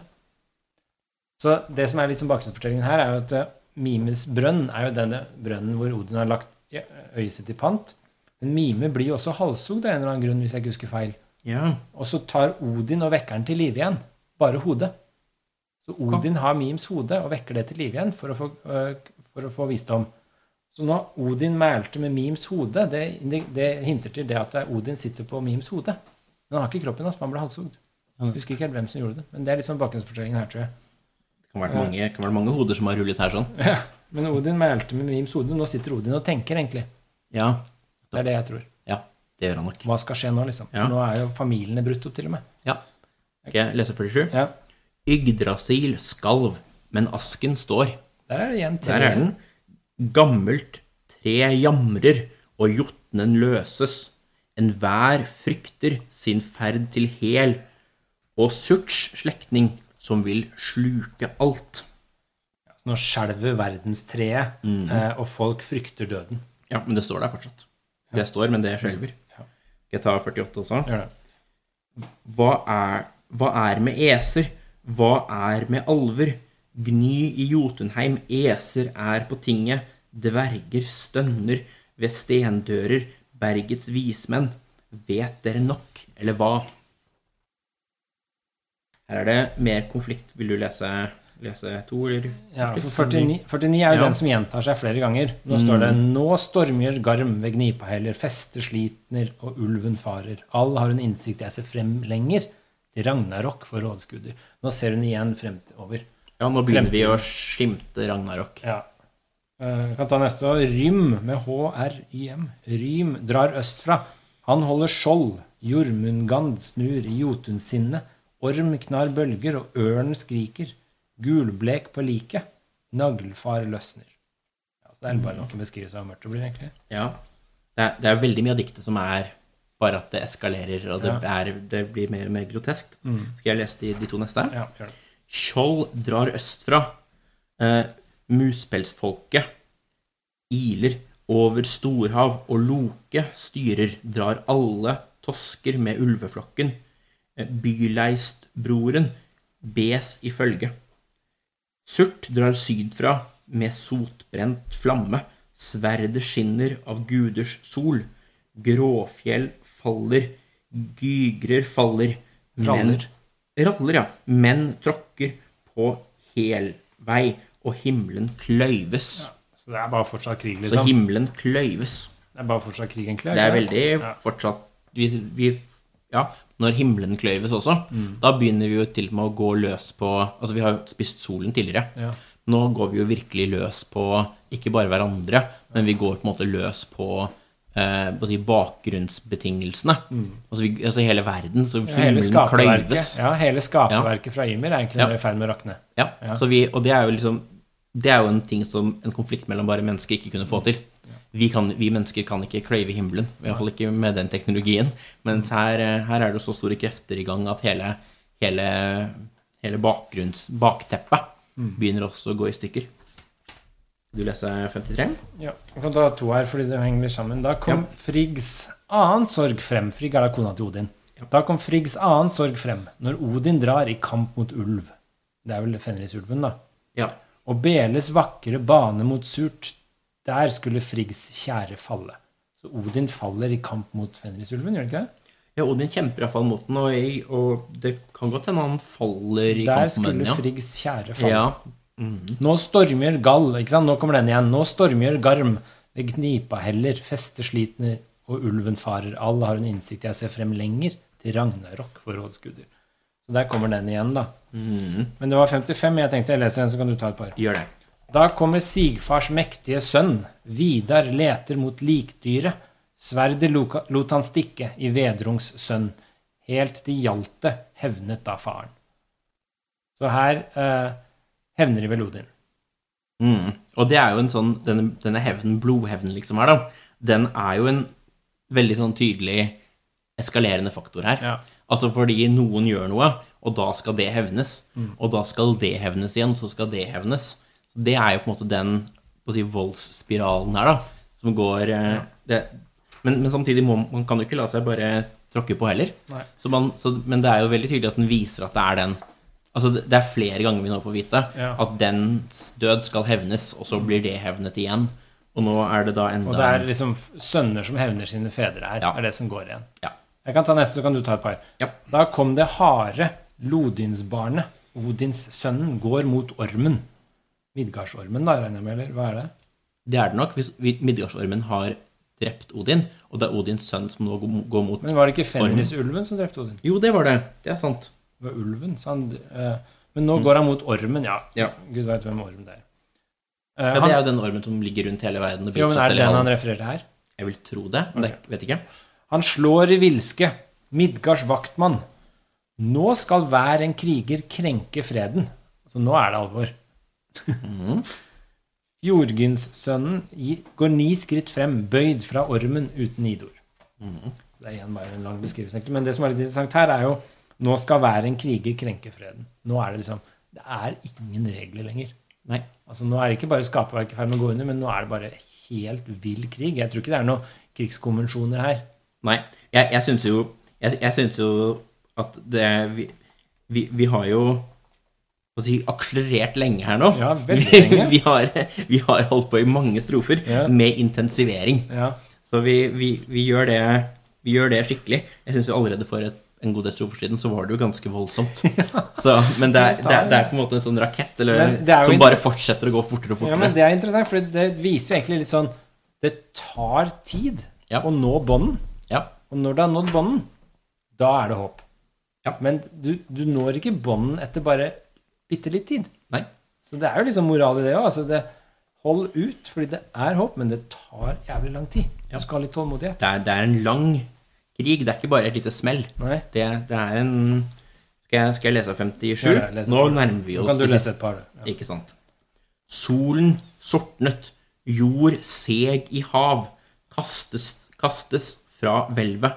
klare stjerner, eimen blåser fra ildtunger, høyt slår heten mot himmelen selv. Så her er solen sortner, og denne ildtungen er litt sånn vulkansk, tenker jeg. Jordet siger Ja. nå ned i havet. Mm. Så nå er alt i ferd med å trekke seg tilbake. Ja. Eh, 58. Nå stormgjør garm ved gnipa heller. Fester, slitner, og ulven farer. All har hun innsikt, jeg ser frem lenger til Ragnarok for rådsguder. Ja. Det er den som gjentar seg mange ganger, det diktet. Akkurat det verset. Ja, men, eh, men nå begynner vi jo da å nærme oss Nå har vi på en måte kanskje nådd, eh, nådd høyden i, i konflikten. Ja, Men for hvis vi ser på den neste nå, skal jeg lese den så også? gjør det, for jeg vil lese 61 for det er min favoritt. Ja, ok, kan jeg lese de to Les de to neste. Ja. Opp ser hun stige andre gangen, jord av havet, evig grønnvokst.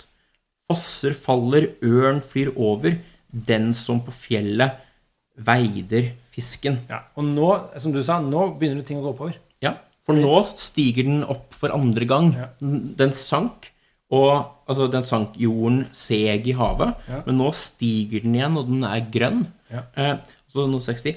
Eser fant seg på Idavollen. Nå er det tilbake på denne fantastiske sletta med Nå er det der. Og om jordbeltet ytret de seg.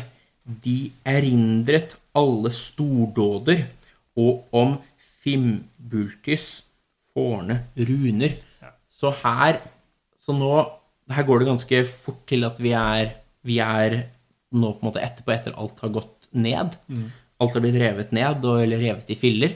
Så har vi nå kommet tilbake igjen, og de som da er tilbake, minnes det som, det som har vært før. Det som er interessant, da altså det, ikke sant? det begynner jo i strofe 1 med at liksom skapelse- og opprinnelsesmyten. Og så i strofe 21 så kommer Gullveig og kaster et spyd. Da står første folkestriden. Ja. Og i strofe 57 så sortner sola, og jordet siger ned i havet. Det er fortsatt bekmørkt.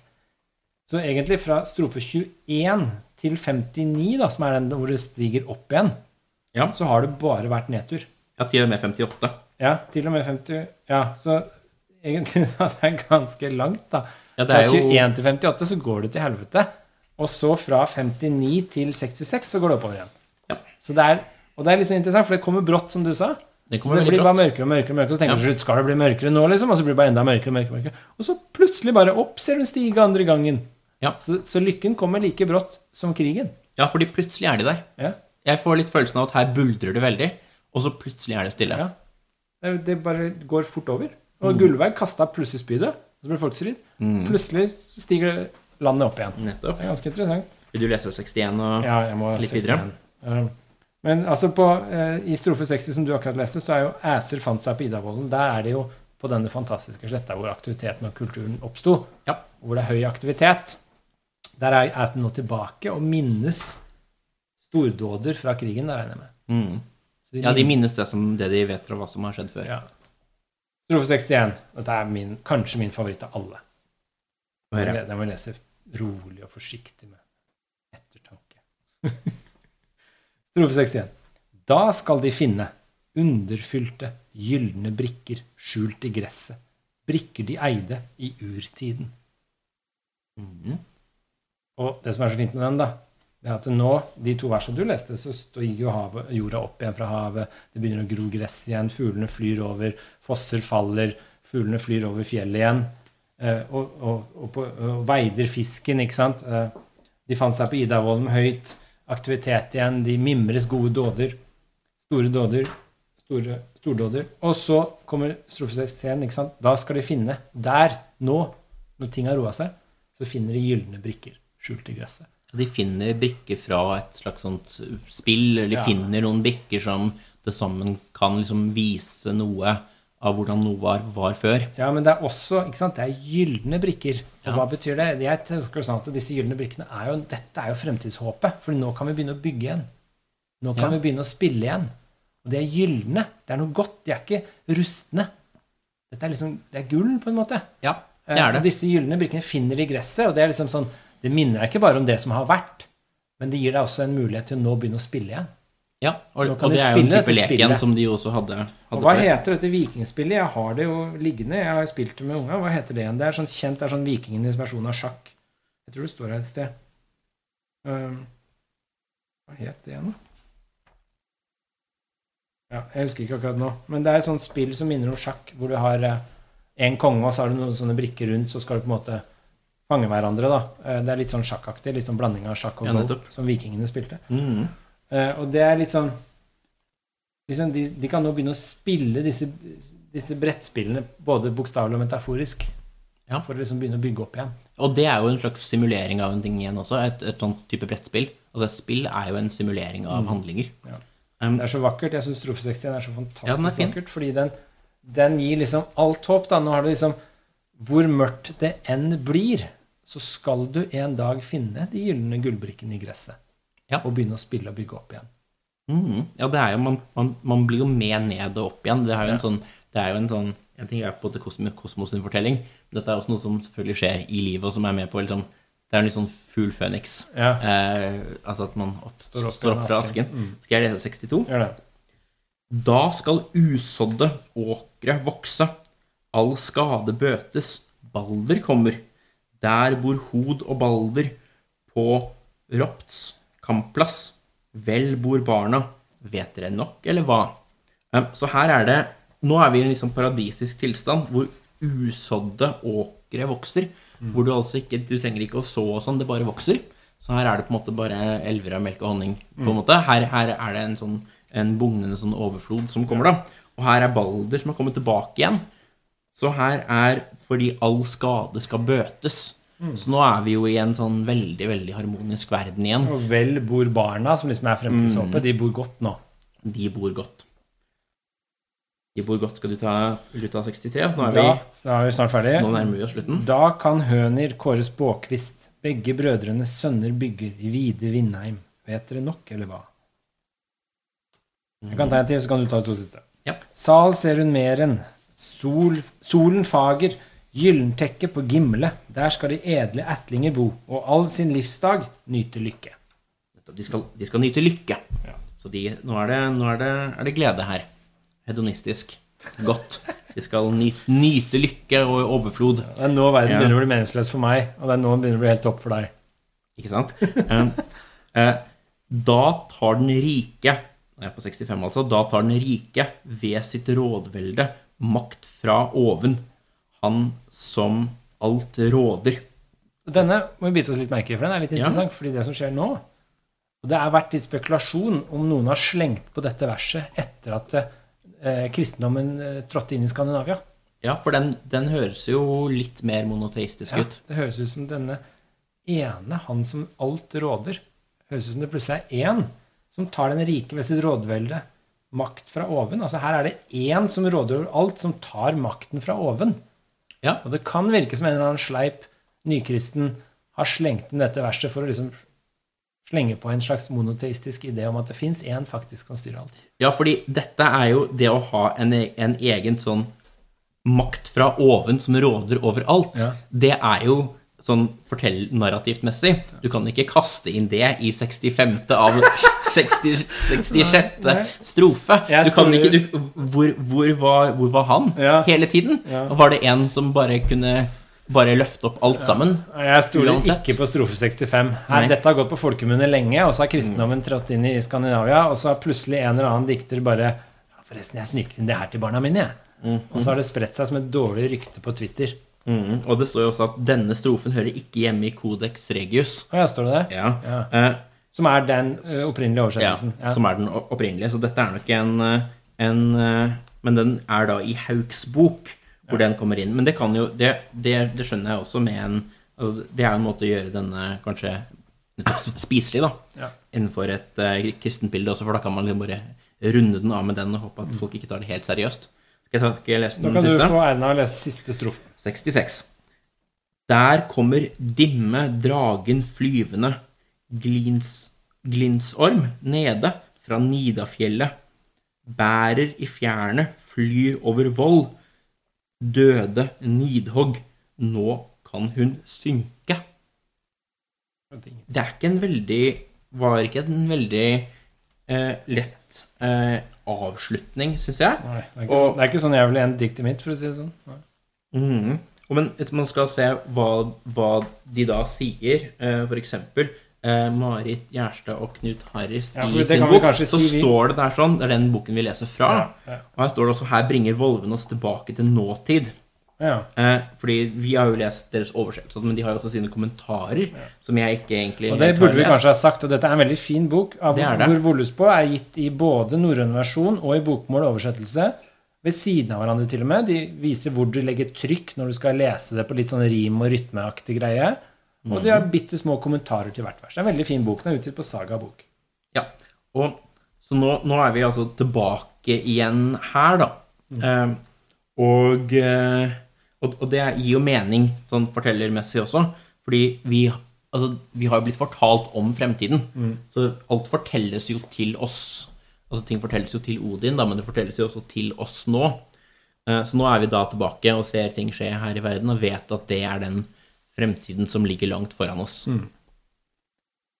Ja, Og, det, det og da er den veldig, dette er jo veldig syklisk, fordi nå er vi jo veldig, veldig nær den tilstanden som, eh, som vi var i da de, da de lekte på Idavollen, Ja. før disse tussemøyene kom. Så nå er, venter vi jo nesten bare på at disse tussemøyene skal komme snikende inn fra siden her. Og så er vi i gang igjen, for vi er jo på en måte kommet til et sånt platå eller et sånt sted da, som ligner, ligner veldig på der, der, eh, der vi jo tidligere har vært. det er liksom bare en syklus. Det gjentar seg nå hvert øyeblikk. Freden varer jo ikke. Nei, den gjør antakeligvis ikke det, men da har vi jo liksom Da har vi jo likevel fått eh, Det er spørsmål hvis den går igjennom denne mange ganger. Da skjer det akkurat det samme hver gang. Men det er kanskje noe av det samme. Men her har i hvert fall fått en sånn gjennomgang da, av at vi går fra en, en harmonisk tilstand som blir brutt, til en økt og økt konflikt som til slutt ødelegger eh, både familien og det ødelegger verden, og alt det egentlig dras ned, helt til vi har en slags Helt til alt egentlig er ødelagt, og vi, alt ligger eh, rasert. Og så oppstår det fra dette igjen et, eh, eh, en ny på en måte, mulighet til å kunne leke, da, og slik i begynnelsen. Så det er jo en, det er en vekst- og fall-fortelling, da. Jeg syns det er så oppløftende å lese, egentlig. Jeg syns ikke det er deprimerende å lese om Ragnarok. Det er oppløftende. Ja, det, jeg syns ikke det er deprimerende å lese om det. Det Altså, det en, handler litt om sånn mytenes verdi. Ikke sant? Dette er jo en mytisk fortelling. Eh, og eh, man tar det som, som det, liksom, og tolker det, og det gir mening til ting. Og så kan det brukes og anvendes på veldig mye sånn som ikke sant? Altså, du ser Bare noe så banalt som eh, Du ser en teknologiutvikling, f.eks., og så ser du da smarttelefoners innvirkning på barn. Så tenker jeg ok, det syns ikke jeg er veldig bra. Det går, det går bare nedover og nedover. Og så begynner det å spire og gro noe håp, og så kommer det noen eh, restriksjoner eller noen reguleringer, og så går det opp igjen. ja, Og så, så kan du tenke på alt. ikke sant? Altså Universitetet vi jobber på begge to, da, forskjellige universitet, men på universitet som, som Ja. institusjon, ok, så blir det mer og mer byråkratisert. Men nå begynner jeg å se tegn til at folk innser at det har gått for langt, så nå begynner man liksom å prøve å avbyråkratisere, prøve å gjøre litt mer sånn at de fagansatte kan få sine egne, styre litt på egen hånd igjen. dere har begynt med det, dere? Ja, vi har begynt med det. Og liksom de legger, lager en utredning om hvordan kan vi spare tid for de fagansatte, og at ikke de driver med så mye administrasjon. Også. Så det ser liksom, i alt, Poenget er bare at det, i alt i livet så er det litt sånn. Det, er liksom, Det er en pendel, eller det ja, er det begynner å gå i en viss retning. Altså det kan være bra eller dårlig, men så stopper det. Ja. Det går aldri for langt. Og det finnes en kurve som jeg ikke husker navnet på, som har den formen. Altså Kurven i en grafe er sånn at den, den går liksom Det begynner å gå oppover, men den Mm. er aldri i praksis evig stigende. Den daler ut igjen. Den fader ut igjen. Så den ser ut som en sånn der liten oppoverbakke, og så fader den ut igjen til en slette. Ja, Alle kurver er sånn. Visstnok det er den mest vanlige kurven. Men går den opp og ned som en, altså en Gaus-kurve? Nei, den går ikke ned igjen nødvendigvis. Altså, det er mer sånn derre Ok, vi eh, Ikke sant, sånn derre uh, uh, Befolkningsveksten, for eksempel, da. Ikke sant? Den går oppover, men så kommer den til å fade ut naturlig. Den blir jo Altså ikke et, har et metningspunkt? ja, den har en, den ja. blir jo ikke evig stigende. Nei. Og så er det sånn Ok, uh, penger. Ikke sant? Du kan bli rikere og rikere, men så kommer du til å fade. Du blir Ja. ikke uendelig rik, for det er begrensa ressurser. Ikke sant? Og den Ja. kurven passer til nesten alt, da. Ja. Det er ganske interessant. Du blir smartere og smartere, ok, men du blir ikke uendelig smart. Du, blir, du kan jobbe deg mot å bli bedre, men du blir ikke uendelig god. Den passer til alt, da. Den vil Ja. fade ut. Men, men jeg tenker jo en ting, hvis man tenker sånn lærdom fra den også, så er det jo et spørsmål om, om hvilken rolle denne konflikten da spiller. Altså er det, er, ligger det litt her at, at konflikten må på en måte få spille seg ut for at man skal kunne få Ja. denne, denne nye eh, si, flaten som noe kan spire Mm. opp fra, ved og at en sånn, en sånn vedvarende bare en ulming, da, Mm. hvor man bare inngår en liten fredsavtale, eller man bare, bare tåler noe en liten stund til, er det Tolker du det her som at det er litt å utsette det som uansett må komme, fordi man må litt gjennom en sånn ødeleggende først, da, men likevel en sånn rensende ødeleggelse? Akkurat som jeg tenker. Ja. Du må rive av plasteret av vondt for at det skal bli godt. Du må ta krangelen med øh, vennen eller partneren din for at det skal bli fred igjen. Du må liksom si det. Du kan ikke gå og la det ulme. ikke sant? Så det må gjøre litt vondt, og så blir det bra. Ja, og det er jo en sånn eh, Det er veldig tydelig her at målet sånn er jo seier i disse kampene. Og det er jo Nå er jo i, slik det nå er i verden, så er det jo fredsavtaler som ofte er Det er ikke seier. Det er ikke det å overvinne. Det er å se om man kan få en våpenhvile og en fredsavtale. Og det er jo en sånn en litt sånn annen måte å tenke, tenke på enn hva vi tidligere tenkte, og i hvert fall hva vi tenkte med det er, ikke sånn, det er vel ikke sånn superklart hvem som vinner i Ragnarok heller? er det det? Nei, de drar jo hverandre ned. De dør jo hele gjengen. Og, og det er jo et sånt det, det er jo en veldig sånn skummel vei å gå, det å tenke at vi skal bare eskalere. Fordi den, den det, det er jo klart alt det Det er veldig vondt, hele den eskaleringsstiden. Men, men er, ja, jeg, jeg, jeg leser det kanskje litt sånn som at det ligger en, en Altså en krigsvillighet, da. Dette er jo en, en mytologisk fortelling som jeg kan skjønne at kan passe for noen som eh, eh, på en måte er ganske stridende, som vikingene jo var. Altså dette, dette sier jo at, at eh, det å bare gå på gjennom dette, dette er forferdelig. Men når vi først har en slik konflikt, så må den få spille seg ut for at vi skal kunne komme tilbake til en sånn renset tilstand igjen. Det er jo mange som eh, tenker liksom at eh, sivilisasjoner de varer jo ikke evig. De går under som alle andre ting. Det er jo ingen sivilisasjon som har vart evig. På, Nei, for da ville de på samme måte Da måtte det ha gått evig mye tid. ja, men på samme måte med Vesten. ikke sant? Altså Den kommer garantert til å gå under, den. Og det er mange som tenker liksom at det, det er helt grusomt, og de kjemper for å beholde Vesten som den en gang var. ikke sant? Altså, men alt går jo under, og så oppstår det nye ting. Så sånn sett så tenker jeg For av og til tenker jeg sånn Å, så trist hvis den verden vi lever i nå, skal gå under. Men, og så tenker jeg heller Ja, men alt går under, og så kommer det en ny tid hvor vi finner nye gylne brikker. Og det at det, den verden vi lever i nå, skal være evig, det har jeg ingen drøm om. Ikke noe håp om det. altså bare sånn det, Ok, den går under, da kommer det en ny tid. Kanskje den tiden er like god? Kanskje den er Den bedre? kan, den kan bli bedre også. Ja, Det klart det antageligvis, det- forhåpentligvis bedre, Ja. men altså det, det bare går i sykluser, da. Så det plager ikke meg veldig om vestlig sivilisasjon går under, f.eks., som jeg er en del av. Altså, det kommer litt an på hva som erstatter den, da.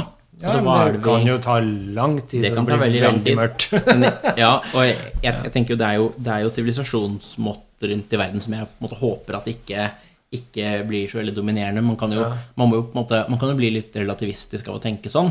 Og tenke at alt sånn til slutt så på en måte går det opp, og vi- en fordel et sted blir en ulempe et annet sted og sånn. Mm. Men jeg, jeg vil jo eh, jeg vil nok ikke være helt med på at det Altså, det er jo visse ting, visse måter, visse kulturuttrykk, altså visse eh, Jeg tenker jo det er jo, det er jo gode, uh, gode, gode ting. Jeg syns jo den, den, det, det vestlige liberale demokratiet med sin ytringsfrihet, med sånn sekulære offentlige rom, eh, muligheten for å kunne diskutere veldig fritt som akademikere, som vi jo faktisk, faktisk kan. Det er ikke så mye cancelling hvis man ikke bryr seg så mye om det. Vi, jeg tenker er, vi er jo veldig privilegerte som har den, den muligheten. og Jeg er veldig glad for at vi ikke, at vi ikke er et teokrati. Det er jeg helt enig i, eh, selvfølgelig. Eh, Og det, men jeg leser også diktet i samsvar med det, egentlig. Altså Når jeg sier den vestlige sivilisasjonen går under, og at det kommer til å skje, og at det dermed ikke plager meg så- mye så mye som husker på det verste jeg syns er favoritten, 61. Ja. Så sier, og da når ting begynner å gå greit igjen, når liksom undergangen er, er ferdig, så finner de gylne gullbrikker og kan begynne å spille igjen. Og så minnes de stordom, storheten i fortiden. Og det er jo nettopp ikke sant, ideen du er inne på, at du tar med deg det beste. Ja. Ikke sant? Så når sivilisasjonen går under, så håper jeg jo ikke at alt blir viska bort. Jeg håper Nei. bare at liksom, de tar med seg det beste da når det begynner en ny runde. Så de tar med seg f.eks., da, som jeg er helt enig med deg, de med demokratiske elementene fremfor de autoritære. De tar med seg ytringsfriheten fremfor Det å bare få lov til å si noen ting. Ikke sant? De tar med seg det vi ser på som grunnverdier og gode ting. Det er de gylne brikkene de finner igjen og tar med seg videre. Store kunstneriske høydepunkter. ikke sant? Forhåpentligvis så tar de med seg Rembrandt videre inn i neste sivilisasjon. Uh, Ja. Og så ikke bare fokusere på liksom modernistisk arkitektur. Skjønner du? Ja, og, og her kan vi jo trekke den Her kan vi lure på om Volus på som sådan da er en sånn gullbrikke. Ja, jeg håper det. Ja, den er en Den ble jo skrevet i en sivilisasjon som ikke oppstår lenger. Nei, Så den har jo overlevd en Ja. sånn syklus. det, det har den, og, men, og den er jo på en måte en Hvis man ser, ser selve den som en, en gullbrikke, som man i en relativ fredstid som vi har nå, kan begynne å leke med. For den er jo gammel og er en, over, en levning fra en lang tidligere periode som disse brikkene også er. Så er jo dette også en sånn noe som kan være med på kanskje å gi ja, eh, en kilde til system og forståelse og eh, bygging av noe. Jeg tror jeg leser den litt som det. At, eh, at de selv på slutten av denne er på en måte Ja, vi er her med en av disse brikkene. Ja. Men det er, ja. Jeg syns det er også veldig fint å se liksom at det, det jeg liker, er å fokusere Det er en ting jeg savner i vår tid. da, det er At man fokuserer litt mer på det positive. Det er så innmari mye fokus på det negative. Ja. Men det, altså, det, Det er jo er problemer som- på Det er problemer som trenger å løses ofte. Jo, jo, men altså, man kan ikke bare fokusere på det positive og overse det negative. Men altså, det er så overdrevent fokus på det negative. Altså, Hva med å fokusere litt på det positive og se liksom, hva er det som er flott, og så fremsnakke det litt også? Sånn at du får en litt sunnere balanse. Og Ja. det liker jeg litt her, at vi liksom I det, i det diktet her, liksom, Det tar lang tid å lese seg gjennom det mørke som vi gjorde akkurat nå, men fremsnakk vers 61, liksom. Ikke sant? Eh, ikke glem det. Eh, ja, det er mye dårlig kunst i vår samtid, men fremsnakk det gode. Se på de som er skikkelig gode. Ikke, sant? ikke vær så negativ. Det liker jeg veldig godt. da. Det, og, og en ting er jo både det gode, og det andre er jo enighet. Altså, vi er jo enige om veldig mye, egentlig, men vi fokuserer jo alltid på uenigheten, for det Mm. Er den som diskuteres. Ja. Så hele den overlappende enighet som vi ofte har, er jo noe som det kan være altså, lurt å, Ja. å fokusere på og på en måte dyrke, dyrke frem. da. Hvis, Det er jo kulturbærende veldig viktig, Ja. at det ikke bare slukes i konfliktene. Og hvis da liksom vi fremsnakker litt det gode, så er det kanskje litt større sjanse for at det også overlever syklusen. ikke sant? Altså At du får med deg de gylne gullbrikkene som er bra. da. Du får ikke bare noen rustne klumper. Du får liksom faktisk de gylne med deg inn i neste syklus. Ja. Det er i hvert fall Så håpet. det er viktig å gi fine brikker videre til menneskeheten i fremtiden. Er det noe eh, Vi har vel egentlig brukt opp tida vår òg. Er vi eh, Ja, ferdig ja. snakka, alt jeg på å si? Er det noe mer du jeg syns vi har fått om rundet av ganske fint. Ja. Det er nå. Ja. Nei, jeg tror jeg, tror- jeg brenner ikke inne med noe igjen nå. Vi har sett oss igjennom eh, fra kaos til struktur til nedbrutt kaos igjen til ny struktur. ja, Så da har vi jo vært med på den eh, reisen da, som Volusbo tar en, tar en med i. En siste ting som kanskje jeg bare kan nevne, som jeg glemte litt, er kanskje at i diktet så ser du Vi snakka jo i Håvamål om etikken til den tiden. eh, Og du ser vel i det diktet her at eh, krangel Når det oppstår krangel, så begynner man å tenke bot og hevn. Ja. Det er det det går i. Det er jo kanskje litt den der øye for øye, tann for tann igjen også. Vi har litt den der krigskulturen Mm. eh, som er sånn, ganske sånn rå og brutal, som kanskje har tvunget seg litt frem av betingelsene de levde under. eh, hvor de ikke hadde noen meglere, egentlig. De drar til tinget, og da er det ingen overordna dommer som kan avgjøre for oss. Vi må bare bli enige. Mm. Eh, og den biten er kanskje ikke en av de gullbrikkene vi bør ta med oss videre, tenker jeg. Nei, men det er jo spennende om man kan nesten Hvis man skal se Håvamål, som vi også diskuterte sist, og Volusbo sammen, så kan man jo spørre om, om litt av de rådene som gis i Håvamål, er forsøk på altså hvordan handle på måter som ikke, ikke skaper disse store Altså den som ikke rokker altfor mye ved systemet, og ikke skaper eh, på å si, mer konflikt enn nødvendig, selv om man jo sier det at man kan på å si, lyve til den som lyver for en og slik, så er det like sånn fredsbevarende, sivilisasjonsbevarende etikk, da. Så man kan jo tenke at idet først helvete bryter løs, liksom, så forklarer litt Volus på hvordan det skjer, og hvor, hvordan det eskalerer og eskalerer. Mens Håvamål er jo en veldig sånn sivilisert og det er, sånn, det, er ikke, det er ikke en krigsverden vi ser der. Det er en verden i i, fall i utgangspunktet ganske mye Det, det er mye lumskhet og usikkerhet der også, men det er, en, det er ikke en verden i krig. Det er en verden som grunnleggende sett er i en, i en mye mer fredelig tilstand. Og den hevnfølelsen er liksom Det er jo ikke veldig mye sånn snu det andre kinnet til her. Nei. Det er liksom øye for øye. Sånn, sånn Ja. hevn, farsdrapet. Ikke liksom Ikke tilgi, holdt jeg på å si. Nei, det er ganske hardt. Nei, det er ikke en tilgivelsesreligion, dette her. Nei. Ok, men uh, veldig bra, Ole Martin. Vi kommer sikkert til å gjøre flere podder, tenker jeg. Ja, dette var veldig gøy, veldig givende. Jeg føler jeg får ganske Jeg får litt mer ut av disse, jeg også, av å sitte og diskutere dem. Det, det tvinger en litt til å tenke gjennom det og, og ja, gå litt gjennom det. Og det er lenge siden jeg har lest Volus på Mm. hele. Jeg anbefaler egentlig alle å bare lese gjennom Volus på og snakke med venner og kjente om det. Ja. Håndmål òg. Les gjennom. Det er bare vers. Ta et vers, diskuter det. Det er kjempehyggelig. Du får mye mer ut av det, som du sier. Ikke sant? Og vi, vi har jo også, Du sa jo hvilken bok vi nå har lest, men både Volusbo og Havamål ligger jo også ute i forskjellige utgaver på nettet også. Eh, mange på de gamle oversettelser og nyere også. Som eh, Nasjonalbiblioteket har det jo åpent. Ja, nettopp. Veldig kult. Vi snakkes. Takk. Takk, takk.